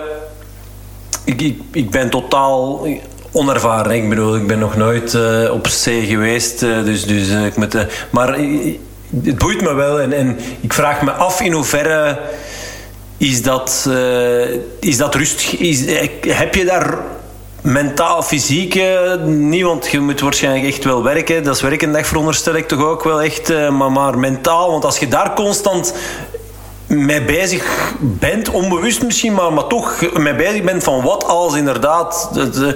Eh, ja. ja. ik weet het niet goed, ja. Is dat, uh, is ja, dat vermoeiend? heb ik me ook een beetje verkeerd op uitge in uitgedrukt. Dus je denkt er inderdaad aan. Uh, uh, in mijn rol als kapitein, uh, het, eerste, het eerste, eerste verhaal is, is veiligheid voor alle opvarenden. Maar anderzijds, op zee heb je een dag van 24 uur. Allee, maar tijd krijgt er een andere dimensie. Waarom? Uh, je gaat in, in, in, in je wachtsysteem leven. Je leeft eigenlijk op het ritme van een boot. En dagen tellen hoegenaamd niet meer. Het enige dat er nog van tijd telt, is, is wanneer gaat mijn wacht op en hoe lang moet ik van mijn wacht zijn. En voor de rest wordt dat allemaal uh, een heel ander gegeven. Het, het, is ook zo op zee. Um, uw mobiele dingen vallen weg. Die vallen redelijk snel weg. Mm -hmm. Dat valt allemaal weg. Uh, je, je raakt in een, in een heel andere mindset. Je raakt in een, in een verhaal. Je komt in een verhaal terecht waar dat enerzijds tijd een andere dimensie krijgt. Het is allemaal niet zo belangrijk niet meer. Uh, het wordt donker, het wordt licht. Ik moet mijn wachtjes doen. Uh, hetgeen dat wel aan boord altijd probeert te doen, zo vaste tijdstippen te eten. Alleen middag en avondeten, ontbijt niet, want mensen komen van wacht. Ze slapen juist. Dus, nee. dus het ontbijt is ieder een beetje voor zich. Ehm, maar je bent heel dikwijls niets aan het doen. En veel mensen moeten zich terug leren vervelen. Wat dat heel moeilijk is in de hedendaagse maatschappij. Met ja, ja. Uh, flitsende schermpjes en uh, notificaties die overal verschijnen en dergelijke. Maar op zich ga je je terug moeten leren vervelen. En ga je ook terug moeten leren niets doen. Mm -hmm. Want je bent toch wel wat uren of toch wel wat tijd niks aan doen. Ja, oké. Okay. Ja. En dat geeft eigenlijk voor veel mensen een, uh, in het begin een beetje stress en ja. zenuwachtigheid. Uh, maar na 1, 2, 3 dagen op zee, ja, wordt dat een normale ding en een normale gang van zaken. Dat je ook gewoon uren kunt turen over die oceaan. Oh, ja. En eigenlijk naar heel veel aan het kijken bent en naar niks. En dat u, ik zeg dat ik dus uh, uw, uw gedachten naar de diepste krochten van uw brein gaan. Ja, ja, en, en, en, ja, je, je bent er heel dikwijls niks aan toe. Ja, en dus toch ook in eerste instantie stress. Het leren vervelen geeft in eerste instantie misschien stress, maar op den duur wel rust. Toch? Ja, kinderen, bij kinderen zie je dat heel goed. Hè. Ja. Als kinderen op de oceaan zitten of andere kinderen. In het begin is dat een hoop gedoe, want ze hebben geen bereik meer. En oh, Snapchat marcheert niet meer. Hup, hup, hup, dit en dat. En meestal stond, eindigt het toch dat die terug aan het kleuren zijn, tekeningen aan het maken zijn, uh, schilderen, spelletjes aan het spelen zijn. Um, ja, ja. En dat is eigenlijk ook in de, in de volwassen wereld is dat een beetje hetzelfde verhaal. Uh, alleen is dat geen, dan ben je dat niet aan het kleuren. Ja, soms wel, want Ellie die heeft, die heeft een kleurboek bij. Uh, maar dat gaat dan meestal over gesprekken. Het zijn dikwijls heel ja. diepgaande gesprekken uh, onder Zoals met mensen die dat je ervoor niet kennen, omdat je, je zit samen op een klein oppervlak en je kunt er ook niet af. Nee. En dan komen dikwijls toch dingen naar boven waar je, waar je vooral tijdens bijvoorbeeld de wachten s'nachts doe je met twee of met drie personen. Ja, ja, ja. ja, je zit er wel een paar uur samen, s'nachts onder een prachtige sterrenhemel. Um, dus er wordt heel veel verteld, heel veel gepraat met elkaar. Mm -hmm. Wat heel, heel, heel, heel, heel belangrijk is. Wat heel belangrijk is. En het voordeel is dat niemand nog tutut een WhatsApp binnenkrijgt of dit. Nee, jawel, het is ja, ja, ja. Zeg, en, en, en uh, ja, waar ik ook wel heel hard in geloof, de, de kracht van journaling van schrijven. Van, is dat dan iets? Uh, een boekje meepakken en uh, blanco boekje en, en gedachten neerpennen? Ja, ik, of? de meeste artikels die dat ik bijvoorbeeld ideeën die dat ik ja. lanceer op LinkedIn of dergelijke, die, die ontstaan, ontstaan, op zee. En dan worden die typ, allee, typ ik die of schrijf ik die op. Uh, dikwijls en dan kom ik van, de, van aan de kust aan met een hoop art, allee, paar artikels of, of, of, ook zelfs nieuwe ideeën voor de organisatie. Dan zeg ah, we kunnen misschien beter zo zo aanpakken. ja dat is iets. En hetgeen dat ik nu de laatste keer wel gedaan heb, omdat ik ook wel wat boeken bij had, is, is een, een, ook een leeg boekje dat ik van Ellie had gekregen voor mee te pakken. En daar eigenlijk de goede anekdotes. Uh, ja. Ik had bijvoorbeeld de Alchemist uh, bij, ja. van Keulen. Uh, Culo noemt het schrijver. Ja, Coelho. Coelho, uh, ja, Coelho. De Alchemist. een heel leuk boekje en er stonden toch wel een paar leuke anekdotes in. of leuke dingen dat ik heb overgenomen. En die ik daarna ook gebruikt heb om, om, om dingen te posten. Ja, wel, doe ik ook. ja, ja, dat is. Uh, ja. ja. Maar inderdaad, het, het, het leren vervelen wekt creativiteit op. Hè. Dat, dat, dat zien we inderdaad ja. bij kinderen, maar ook gewoon uh, bij volwassenen. Ja. Dus uh, ja. Ja, ja. ja uh, zolang als je die. Het, allee, je moet regelmatig uit de waan van de dag kunnen, kunnen stappen. En vooral ook als, als ondernemer of als je een organisatie hebt. En hoe beter dat je dat kunt, hoe beter dat je er kunt zijn voor je organisatie. De meeste mensen lopen, uh, ja, alle, alleen niet de meeste, er zijn heel veel ondernemers die gewoon met alle respect een beetje kieken zonder kop rondlopen ja. de hele dag. Brandjes liggen blussen overal waar, ze, waar ze komen. En uh, ja, op een gegeven moment, als je onderneming, als je wilt dat je onderneming groeit, is dat een fase waar je uit moet. Mm-hmm. En dat kan alleen door, door, door te kijken van hoe kunnen we dat hier beter organiseren, maar niet door nog harder te werken. Nee, nee, nee. Nee, wat uh, aan of in uw onderneming werken. Ja, groot verschil. groot verschil, ja. Ja, groot verschil. Ja, dus, ja. Dus ja, het, het, het, op zee, de bergen zijn. Ja, ik hou, uh, corona heb ik heel veel gewandeld, heel veel gewandeld. Ja, ja ik, vind, ik, ik hou wel van die afstand uh, te pakken.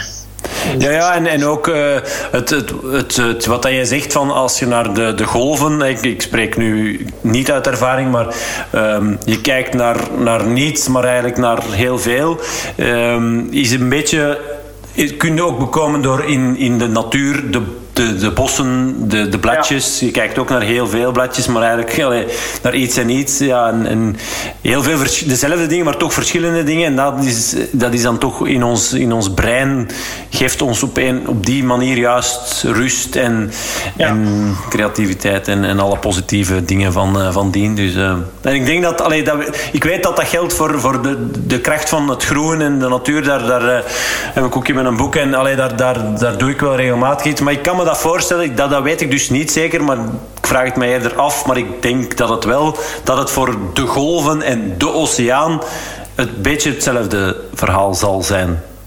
Toch? Ja, ja uh, het is natuurlijk, wat ik wel altijd het gevoel heb op de oceaan, en dat heb ik aan land minder, is die oneindigheid. Ja. Uh, ja, dat, is... dat geeft nog een, nog een andere dimensie aan het verhaal van, van dat je ziet ja, zover als je kan. Ja, ja, er staat nergens iets in de weg. Uh, de zonsopkomsten, de zonsondergangen zijn heel indrukwekkend altijd. Dus ja, dat, dat vind ik nog een extra dimensie. Ik, zeg, ik zit ook veel in de bergen. Uh, ik zit ook veel uh, hier in België in de bossen, toch regelmatig. Maar op de oceaan heb je die oneindigheid, ja. een extra impact. En die kwetsbaarheid, hè, want die oceaan hm. heb je niet onder controle. Ja, dan dat zeg ik dikwijls. Ik heb ook geklommen in mijn leven. En ik zeg altijd, als je op een berg staat en je staat stil, staat stil. Mm Of kom op juist op een lawine staan of zo, dat is een ander verhaal. Ja, maar op, de, op, op, op zee is dat niet zo. Nee, nee, nee, dat, kun je niet, dat kun je niet weg. Uh, dat is, dat is leven, leven met de dingen die op je afkomen. Maar dat is ook wel een mooie metafoor, denk ik. ja. ja, toch? Ja. ja. ja. Oké, goed. Um, wat anders, ik heb het gevoel dat wij nog uh, uren kunnen blijven babbelen. Uh, laten we overgaan naar het rapport van, van Mike Celis. Um, en beginnen met de psychologische basisbehoeften. We hebben het er straks al een paar keer uh, aangehaald. Je hebt gezegd van ik vind het leuk om mensen samen te brengen. Um, de connectie, jezelf kwetsbaar opstellen, een visie hebben, authentiek zijn. het boek Connection, daar hebben we het even aangehaald. Verbinding. Onze eerste belangrijkste psychologische basisbehoefte hadden we niet tot een groep behoord way back in, in time, dan hadden wij niet overleefd en, uh, als, als ras en als soort. Dus dat is gewoon iets wat dat wij nodig hebben. Um, als je jezelf een score van, van 1 tot 100 op 100 mag geven, hoe, hoe, hoe, hoog of laag score je dan op verbinding? Um, ik zit er heel hard op in. Um, maar ik ben ook wat kritisch naar mezelf toe. Ik, sto, ik, score, ik ga mij 75 scoren. En waarom 75? Is, is enerzijds van ja, ik denk, ik ben van overtuiging dat het nog veel beter kan, uh, het verbinden. Alhoewel, uh, ik zit hier nu voor een Zoom. Professioneel probeer ik dat ten alle tijden te vermijden. Uh -huh. Dat ik het beu ben. Ik wil met mensen fysiek samen zitten. Uh, ik vind dat zo belangrijk en ik, ik, ik, ik spreek dat ook op die manier uit. En, um, dus ik werk heel hard aan verbinding. Ik vind dat ook een van de, mijn persoonlijke taken om mensen met elkaar te verbinden, samen te brengen. Ook de reden waarom dat we Arma Exploration doen. Wij, gaan, wij zijn ervan overtuigd dat dat... Onze overtuiging is dat dat via een zeilschip heel goed gaat. Um, dus ja, ik heb er ook een soort missie van gemaakt. Niet binnen CT Paramedics. Alhoewel dat we er ook uh, een doel hebben om thuisverpleegkundigen te verbinden met elkaar. Ja. Maar ik denk dat er ook nog heel veel te leren valt. Mm -hmm. Dus okay, uh, ja. de reden waarom dat ik zeg, waarom dat ik uh, ja, mm, geen 8 of 80 of 90 score, 75. Enerzijds omdat, ja, ik zeg het, doe ongelooflijk, uh, ik voel aan dat ik heel veel, veel, veel, veel doe en dat ik er heel veel voldoening uit haal, maar dat er ook nog heel veel te leren valt. Ja, wat ook mooi is. Toch? Ja, nou, ja, toch, ja. niemand is perfect. Het is aan mij. Ja, ja. Oké, okay, goed. Uh, volgende psychologische basisbehoefte. Ja, binnen die groep had je dan wel, uh, moest je iets bijdragen. Hè? Je moest competent zijn. Hè. Dus competentie is een, uh, het gevoel ergens goed in te zijn. Hè. Dat is ook uh, iets wat we gewoon nodig hebben. Uh, um, op competentie, als je jezelf daar een score op 100 mag geven. Goh, ja. Um hangt ook af in welke vorm dat je dat zegt natuurlijk. In welke dingen, als je zo ja. diverse dingen doet, dan heb je nogal veel misschien nog wel wat veel competenties. nu, competenties, de dingen dat ik doe, dat ligt eigen aan mij waarschijnlijk. Die, uh, ja, ik heb, ik heb een beetje een winnaarsmentaliteit in mij. En ik moet er... Uh, ik ben een die dat bijvoorbeeld... Uh, lange tijd moeilijk heeft gehad uh, als je niet kunt winnen van je, van, van je kinderen bijvoorbeeld in bepaalde dingen. En alles op alles zetten om toch te winnen. Uh, goed, ondertussen eh, is dat al enige jaren achter mij. Ehm, maar dat zit er wel in mij in. De reden is, de vrienden van mij zeggen dat ja, maar hetgeen dat je doet, doe je goed. Maar dat wil ook zeggen, hetgeen wat ik niet, denk niet goed te doen, dat dat een uitdaging is voor mij om dat dan toch te doen. Ja, En eigenlijk uh, dingen te durven doen waar je eigenlijk helemaal niet goed in bent. Maar voor mij is dat een hele moeilijke, omdat dat in mijn hoofd een beetje een raar gevoel geeft. Uh, dus als ik competent, competent uh, zou ik zeggen, de dingen dat ik doe, uh, zo 88 of zelfs mm -hmm. 85, rekening houdend dat ik voor mijn eigen altijd over strijd moet trekken om dingen te doen die ik vermoed dat ik niet goed ga doen. Nee. Want daar zou ik dan eventueel een 6, denk ik 60 of zelfs een 50 op scoren. Ja. Maar uh, ja, dat is, dat is mijn valkuil. Ja, oké. Okay. Dus dingen doen die dat je denkt niet te kunnen, kunnen ja, ja, ja. Oké. Okay. Ja, verbaast me, want als, zo, zo, zo ken ik inderdaad jou niet. En, en, en we hebben ook wat gemeenschappelijke vrienden. En, en uh, als we dan uh, positief roddelen, dan, dan hoor ik gewoon ook inderdaad dingen dat jij dat goed, dat jij de dingen doet die je doet, dat je die goed doet. Dus, dus goed. Uh, ja, ja, ja, het, het, het, het andere verhaal is dat je ja. dingen die ik niet goed doe, dat ik die ook überhaupt niet doe. ja, wel, maar ook, ja. dus met deze rol mijn vrienden deze podcast zien, ik ben ook in een hele hoop dingen echt bar slecht. Bar slecht. Maar dat is gewoon heel wijs om die dan niet, niet te veel te doen. Dat is gewoon slim. Dus dat is gewoon, oh, ja. ja, ja oké, okay, ja. geweldig. Alright, uh, derde psychologische basisbehoefte. Ja, binnen de groep, oké, okay, je wilt uh, je steentje bijdragen, maar je wilt ook nog gewoon autonoom uh, uw, uw besli- autonoom, hè, aut uw autonomie is ook een uh, psychologische basisbehoefte die wij als mens hebben. Ja. Uh, hoeveel zou je daar uh, kunnen op geven? Um, daar durf ik mezelf toch, toch ook 85 op scoren. Zelfs, ja, ja, 5, waarom? Omdat ik. ik ben ook graag op mezelf. Ik ben een heel sociaal iemand, maar ik ben ook heel graag op mezelf. Ik heb een uh, idee, wat dat ook natuurlijk weer terug een valkuil is. Als ik een idee heb, en mensen weten dat, waar ik mee samenwerk, die zeggen, en ik heb die ook geleerd als ik begin te drammen bijvoorbeeld, dan moet ik ook gewoon zeggen, want dat is ook weer iets, ik ben er niet altijd van bewust. Ja. Ja, um, en ik heb een paar medewerkers die op dat moment ook zeggen, Mike, je zit aan drammen. Oké, okay, dat is goed, dan, dan weet ik dat. Dan. Adem in, adem uit. Ja. Um, even zwijgen. Um, maar ja, autonomie, ik vind dat heel belangrijk uh, voor mezelf toe. Ik zeg het, ik doe heel graag dingen alleen ook. Uh, ik doe heel, nog heel veel graag dingen samen met mensen, maar misschien dat ik daar ook de behoefte van heb om, om soms ook gewoon dingen alleen te doen. Uh, en als ik overtuigd ben van iets, ben ik echt wel overtuigd. Dan heb ik wel een. Dan, ik zeg dat ik was dan, waarom vraagt het wel een stevige discussie om mij van die overtuiging af te brengen. Mm-hmm. Ja. Oké, okay, maar goed. Maar als ik, allee, het is het verschil tussen gelijk hebben en gelijk krijgen. Hè. Als, ik, uh, uh, als er over gediscussieerd wordt nu in de raad van bestuur, het, de, job, de functie dat die mensen van de raad van bestuur hebben, is heel kritische vragen stellen en de spiegel voor u te houden om te zeggen van en, en, en goed, daar moet ik dikwijls zeggen van oké, okay, ik zit er precies toch naast. ja, oké, okay, maar dat is, uh, het zijn de ja. grote die een ongelijk kunnen toegeven. Hè, dat, ja. Ja, maar dat is, dat is een kwetsbaar ook opstellen, maar ja. ook oprecht doen. En zeggen van, ja, kijk man, ik, ik zeg dat ook dikwijls, ik weet niet alles. Ik probeer met mijn eer en geweten, met de dingen dat ik op dat moment weet, een goede beslissing te pakken. Ja.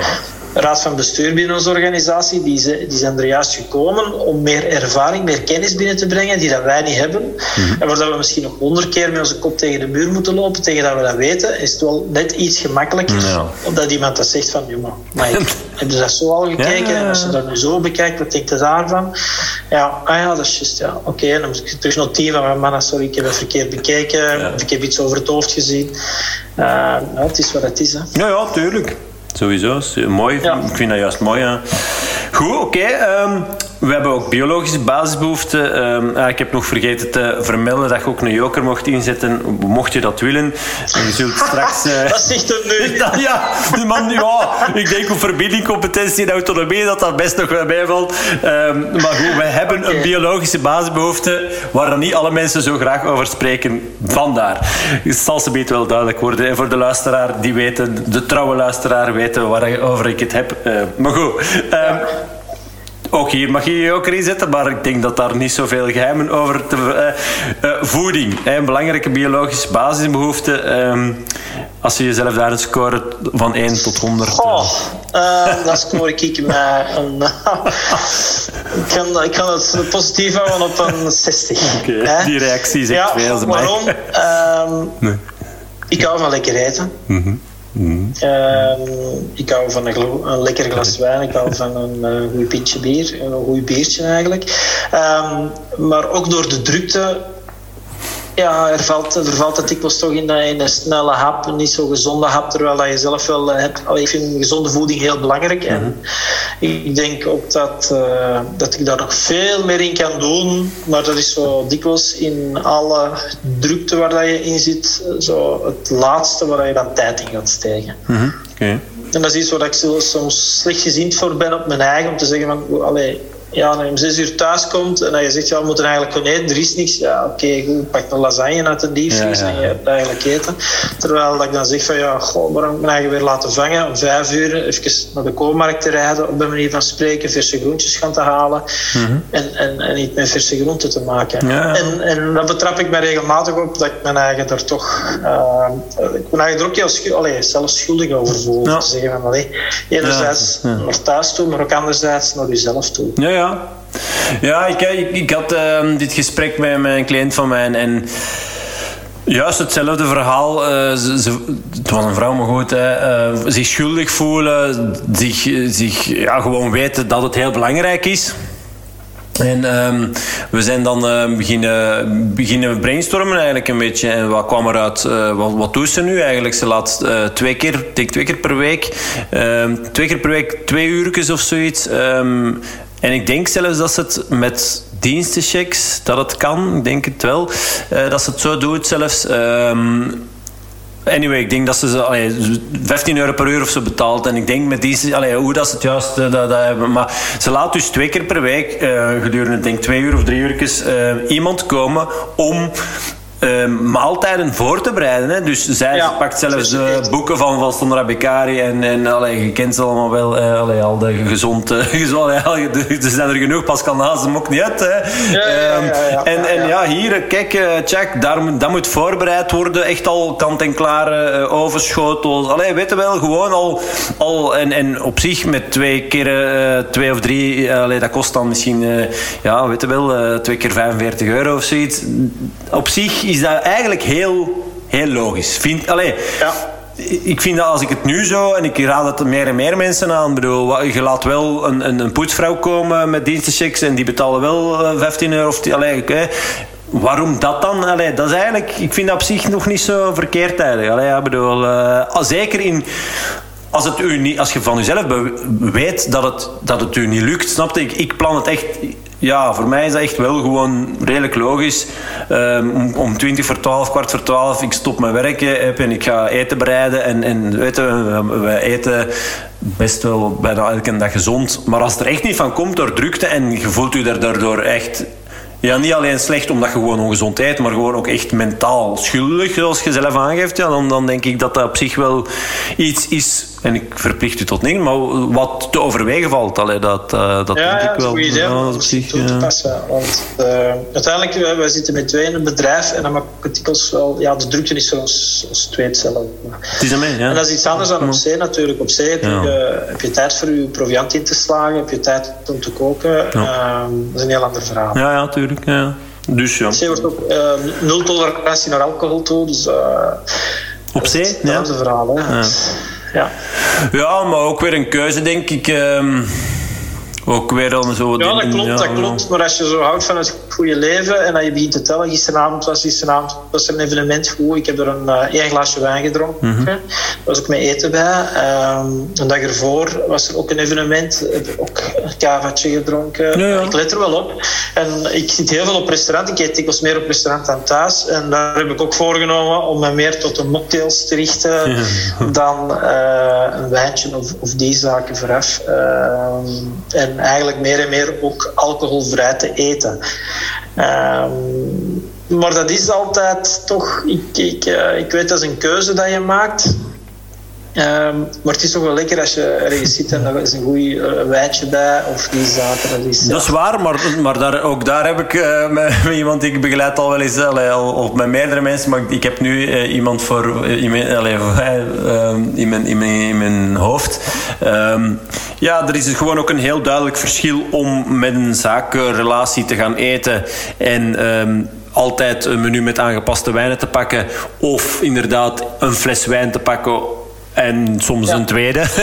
Eh, of, te zeggen, ja, of te zeggen, goed, ik, eh, ik pak één glas wijn en daar hou ik het bij gewoon, snap je? En ik, Ja, ik vind dat, dat is heel- ik nu wel doe, Ja. maar dan merk je ook dat je toch wel eh bijna dagelijks ook nog Ja, niet een glas wijn drinkt. het is wel lekker dat je een glas... Oké, het is nog af te wegen. Vind ik ook, allee, ja, dat vind ik dan ook. Ik bedoel, als je zeven glazen wijn eh, op, op een week drinkt, dat is, dat is Nee. nog niet. Nee, maar goed. Ja, alleen nee, maar dat, het- ik, ik zeg het, eh, iemand anders, eh, de- ja, dat, die, die dronk echt. eh, allee, hij eh, dronk met zijn vrouw om een deur gewoon elke avond eh, een, met twee een fles, een fles wijn. Ehm, en deed soms een tweede open. Ehm, ja, goed, dat is echt, dat is echt een heel, heel groot verschil. En, en dan moet je niet eh, ja, om een duur zeggen van eh, ik heb wat overgewicht en, en hoe komt dat nu? En eh, ik slaap slecht en ik ben alleen een duur allee, weet je wel, slecht gezien op de Ja. kinderen. En, allee. Dan, ik zeg niet dat het alleen een alcohol is, maar goed, als je elke avond met twee eh, meer dan een fles wijn op zou worden, dan... dan We allee, hebben het een beetje een, een te gewoon. ja, dat vind ik dan te grote groot, ja. Ehm, en dus wat ik net zeg, slecht slapen en zo. We denken misschien dat dat al ons wel ons helpt om, eh, om beter te slapen. Dat de avondmuts, avondmutsje, zoals eh, Nee. ehm, niet per se, denk ik. Dus dat brengt ons bij de volgende biologische basisbehoefte, slaap. Eh, ja. Dat, is, dat lukt vrij goed. Ik heb mij ook op een gegeven moment gezegd van kijk, ehm, ik wil voldoende slapen. Punt.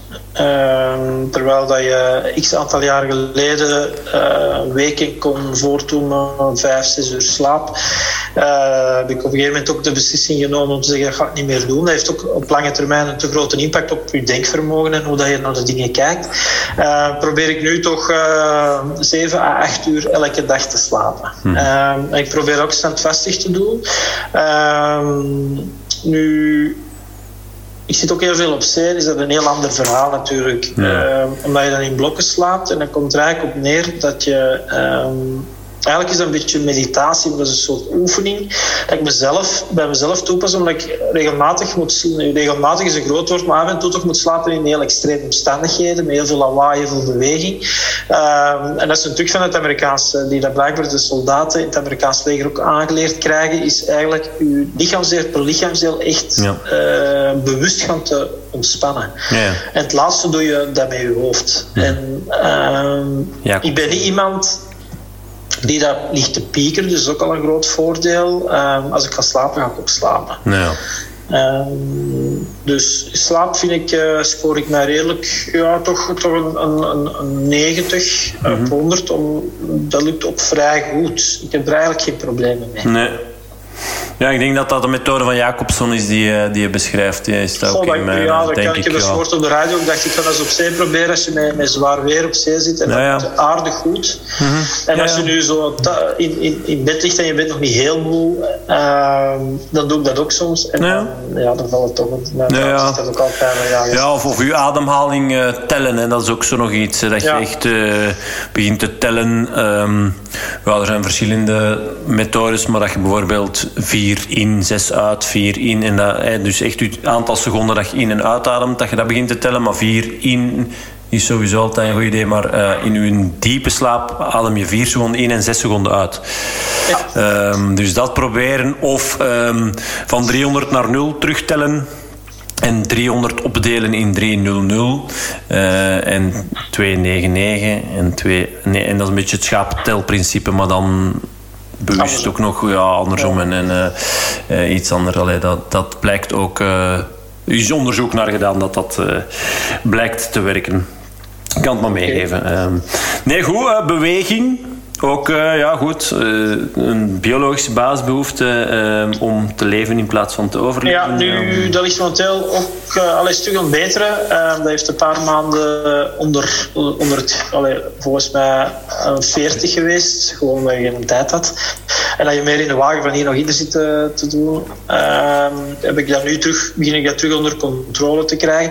Het grote verschil is dat ik natuurlijk vanaf 1 januari heeft bestuur gevraagd om terug de rol van algemeen directeur op te nemen. Dat is eigenlijk ineens bijna twee fulltime jobs terecht ben gekomen. Het schip en het kapitein zijn en het uh, algemeen directeur bij CT Paramedics.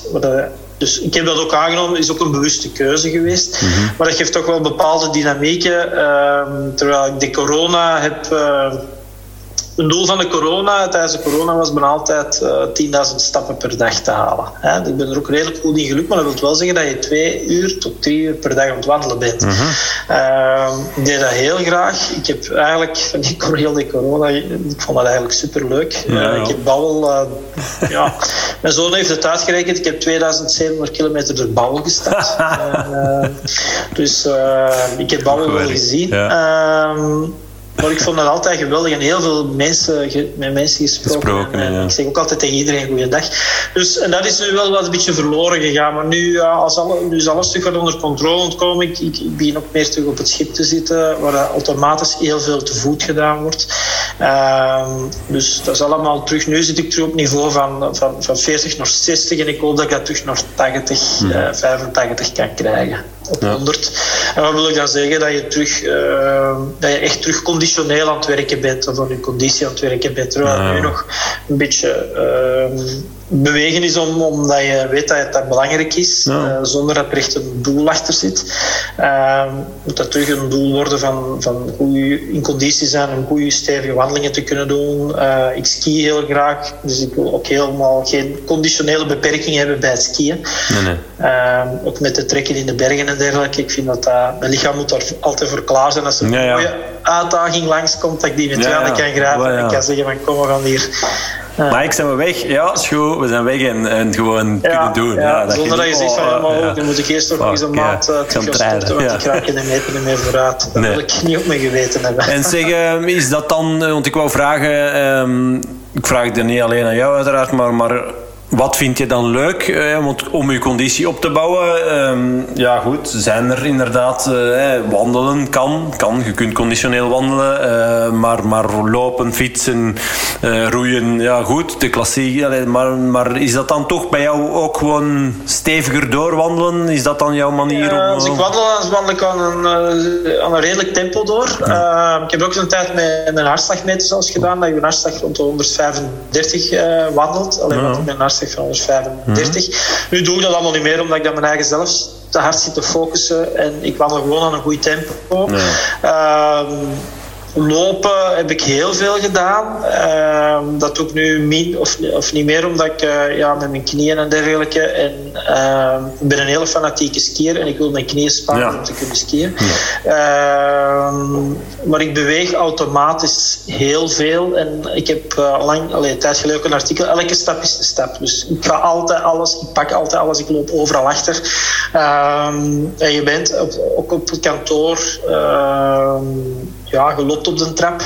Dat is altijd keer, maar ja, je trapt ook wel ettelijke keren per dag bij ons. Dus ja, En dat zijn de dingen waar ik... En dan merk ik wel dat dat zelfs zeker zo goed functioneert. Ehm, als ik dan intensief de bergen intrek, uh, ook een bergtocht ga doen of, of, intensief ga skiën, waar ik ook uh, af en toe ga toeskiën of, of zelfs freeride, dat, dat, dat, lukt mij heel goed. Zelfs beter dan dat ik toen heel intensief sport. Ja, nee, nee. Uh, dus ja, ik ben er eigenlijk tevreden mee. Als ze morgen tegen mij zeggen, kom Mike, we gaan de, de Tour de Mont Blanc doen, dan durf ik gerust nu zeggen, oké, dat is goed, pak mijn rugzakje en we zijn weg. Ja.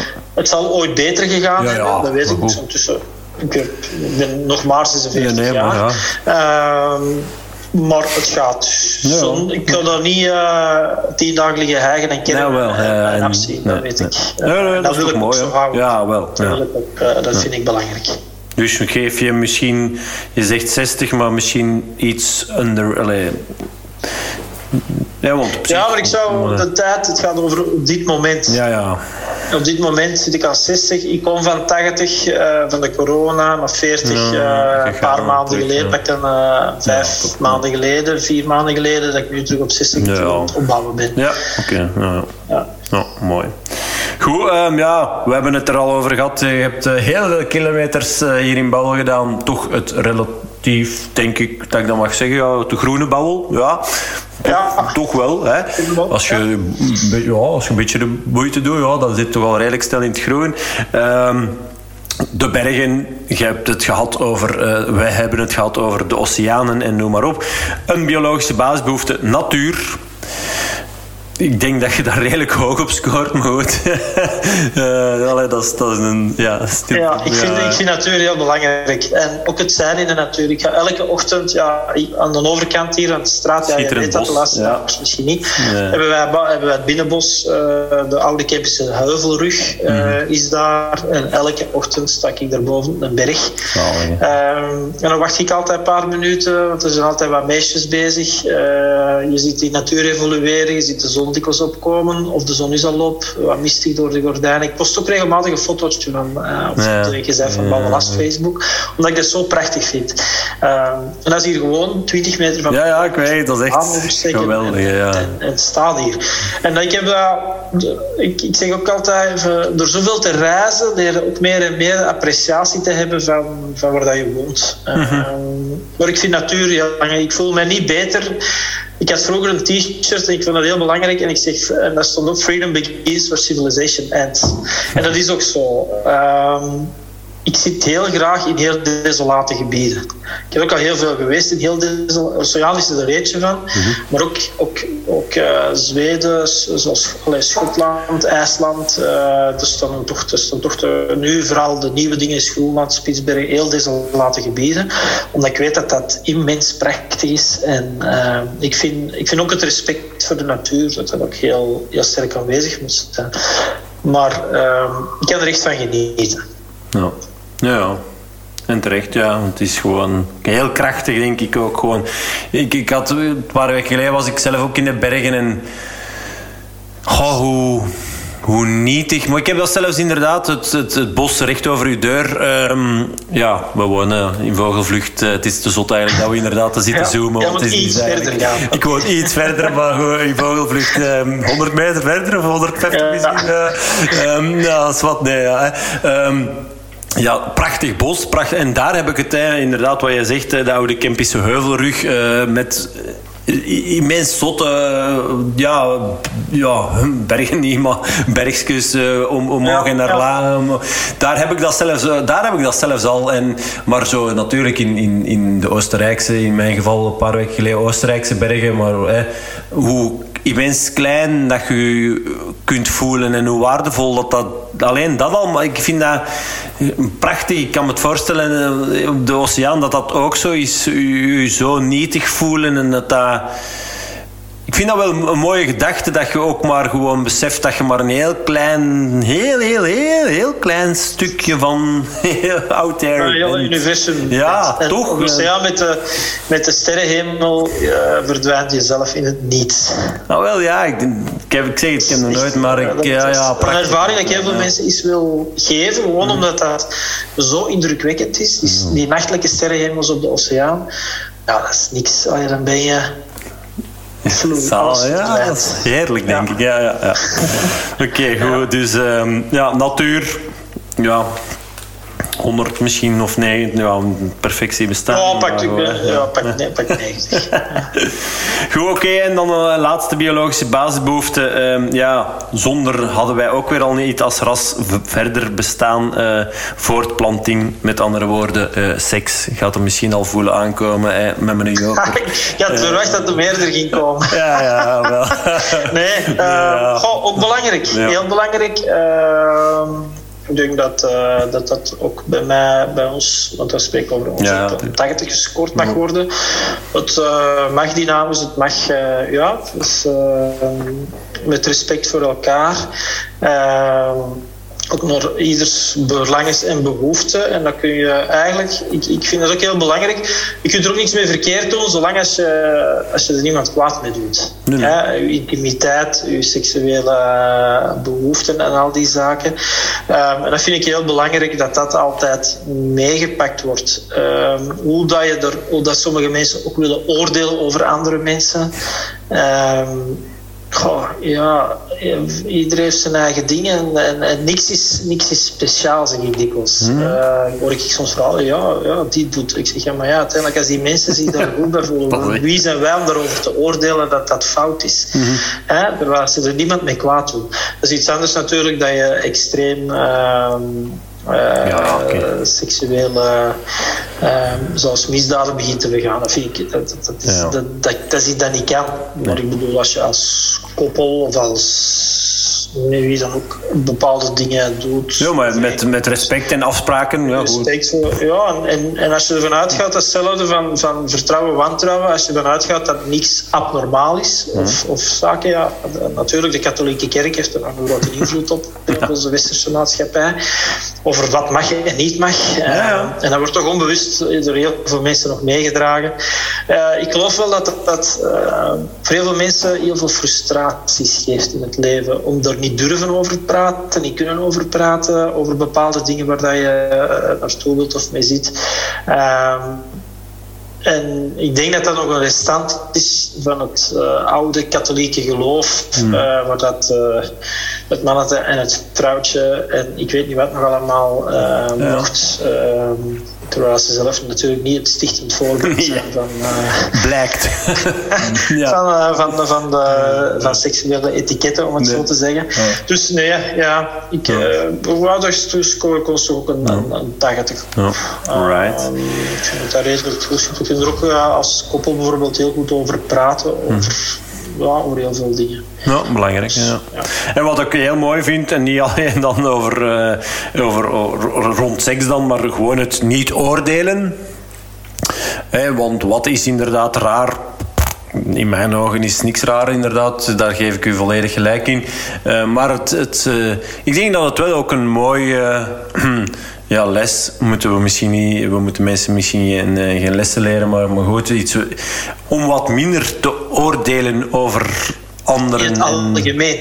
Alge ja, het is dat mee. Het is dat. Niet, alleen, ja. niet per se rond seks, maar of, of seksueel uh, geaardheid of, of dingen die ja. wel of niet kunnen. Of allee, weet wel inderdaad al dan niet speciaal zijn, maar gewoon algemeen.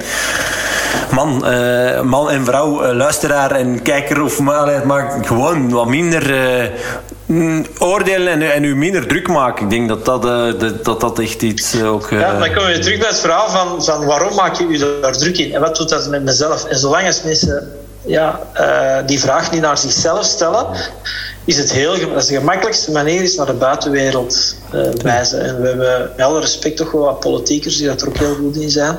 Um, mm-hmm. Dus die eigenlijk het voorbeeld moeten geven, maar waar eigenlijk veel dingen ontbreken van leiderschapscapaciteiten en die vooral naar anderen wijzen en niet naar zichzelf kijken, is dat eigenlijk met het oordelen dikwijls hetzelfde verhaal. Het is heel makkelijk om te oordelen over iemand anders dan te zeggen van hey, ik heb het er moeilijk mee om die en die reden.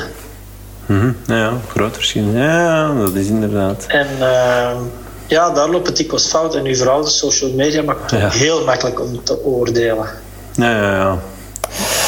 Ja, en dat is goh, ook niet altijd. Ja, ook gewoon het feit dat iedereen picture perfect en. Um, Eh, ook dat wat we straks al benoemden, hè, u niet goed, eh, u slecht mogen voelen en u niet per se altijd goed moeten voelen en juist dat opzoeken, wat maakt dat, je, dat, dat je slecht voelt en, en van waar komt dat en wat ga je daarmee doen, wat allee, dat, wordt, dat aspect wat gewoon heel belangrijk is, datgene opzoeken wat maakt dat je slecht voelt en van waar komt en daar zit zoveel kracht denk ik. Um, om juist die confrontatie durven aan te gaan. En, en als je dan kijkt gewoon naar social media, dan, dan lijkt iedereen ah, ja, altijd zo. Ja. ja. dat is toch ook niet echt uh, een goede tendens, lijkt me dan, maar goed. Nou. Nee, dat klopt, dat klopt. Inderdaad. Maar goed, ik wil niet met een eh, negatieve noot afsluiten. Daarom uh, is er nog iets wat ik jou had moeten vragen, wat ik jou niet gevraagd heb. En wat, of wat wil je nog meedelen met de mensheid? Of maak reclame? Nee, nee. Ehm, ik vond het een heel boeiend gesprek. Uh, het is de eerste keer dat ik zoiets, uh, zoiets doe. Mm -hmm. Dus uh, het was ook een beetje, ik was ook een beetje nieuwsgierig natuurlijk. Mm -hmm. um, maar nee, ik vond het een heel leuk iets. En ehm, ik denk dat we, ja, ik vond het een ja, er zijn toch redelijk wat dingen aangehaald. Dus zo niet dat ik nu denk van, oh, dat moet ik nog zeggen uh, nee, nee, te doen. Uh, nee, nee. Uh, ik vond het een, een, een heel interessante babbel. Uh, ook gewoon om jouw verhaal of wat te horen, of jouw, jouw, jouw. Ja, oké, okay, right. Ja. Nee, goed, oké. Okay. Ik vond het ook heel, heel boeiend. Dus um, uh, wil ik u nog uh, heel hard bedanken voor uw tijd, uh, in ieder geval. Ja, graag gedaan. Voor het delen van uw verhaal. Goed, tot, tot snel. Oké, okay, goed.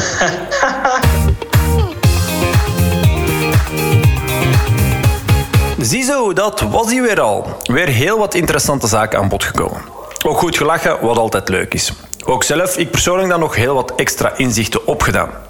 Zoals het nog scherper krijgen van mijn doelgroep. Verschiet er dus maar niet van als ik binnenkort naar buiten kom met het feit dat ik enkel succesvolle ondernemers coach die groeien van enkele naar stilaan een tiental werknemers. Want ja, oprecht, dat voel ik gewoon in het diepst van mijn ziel.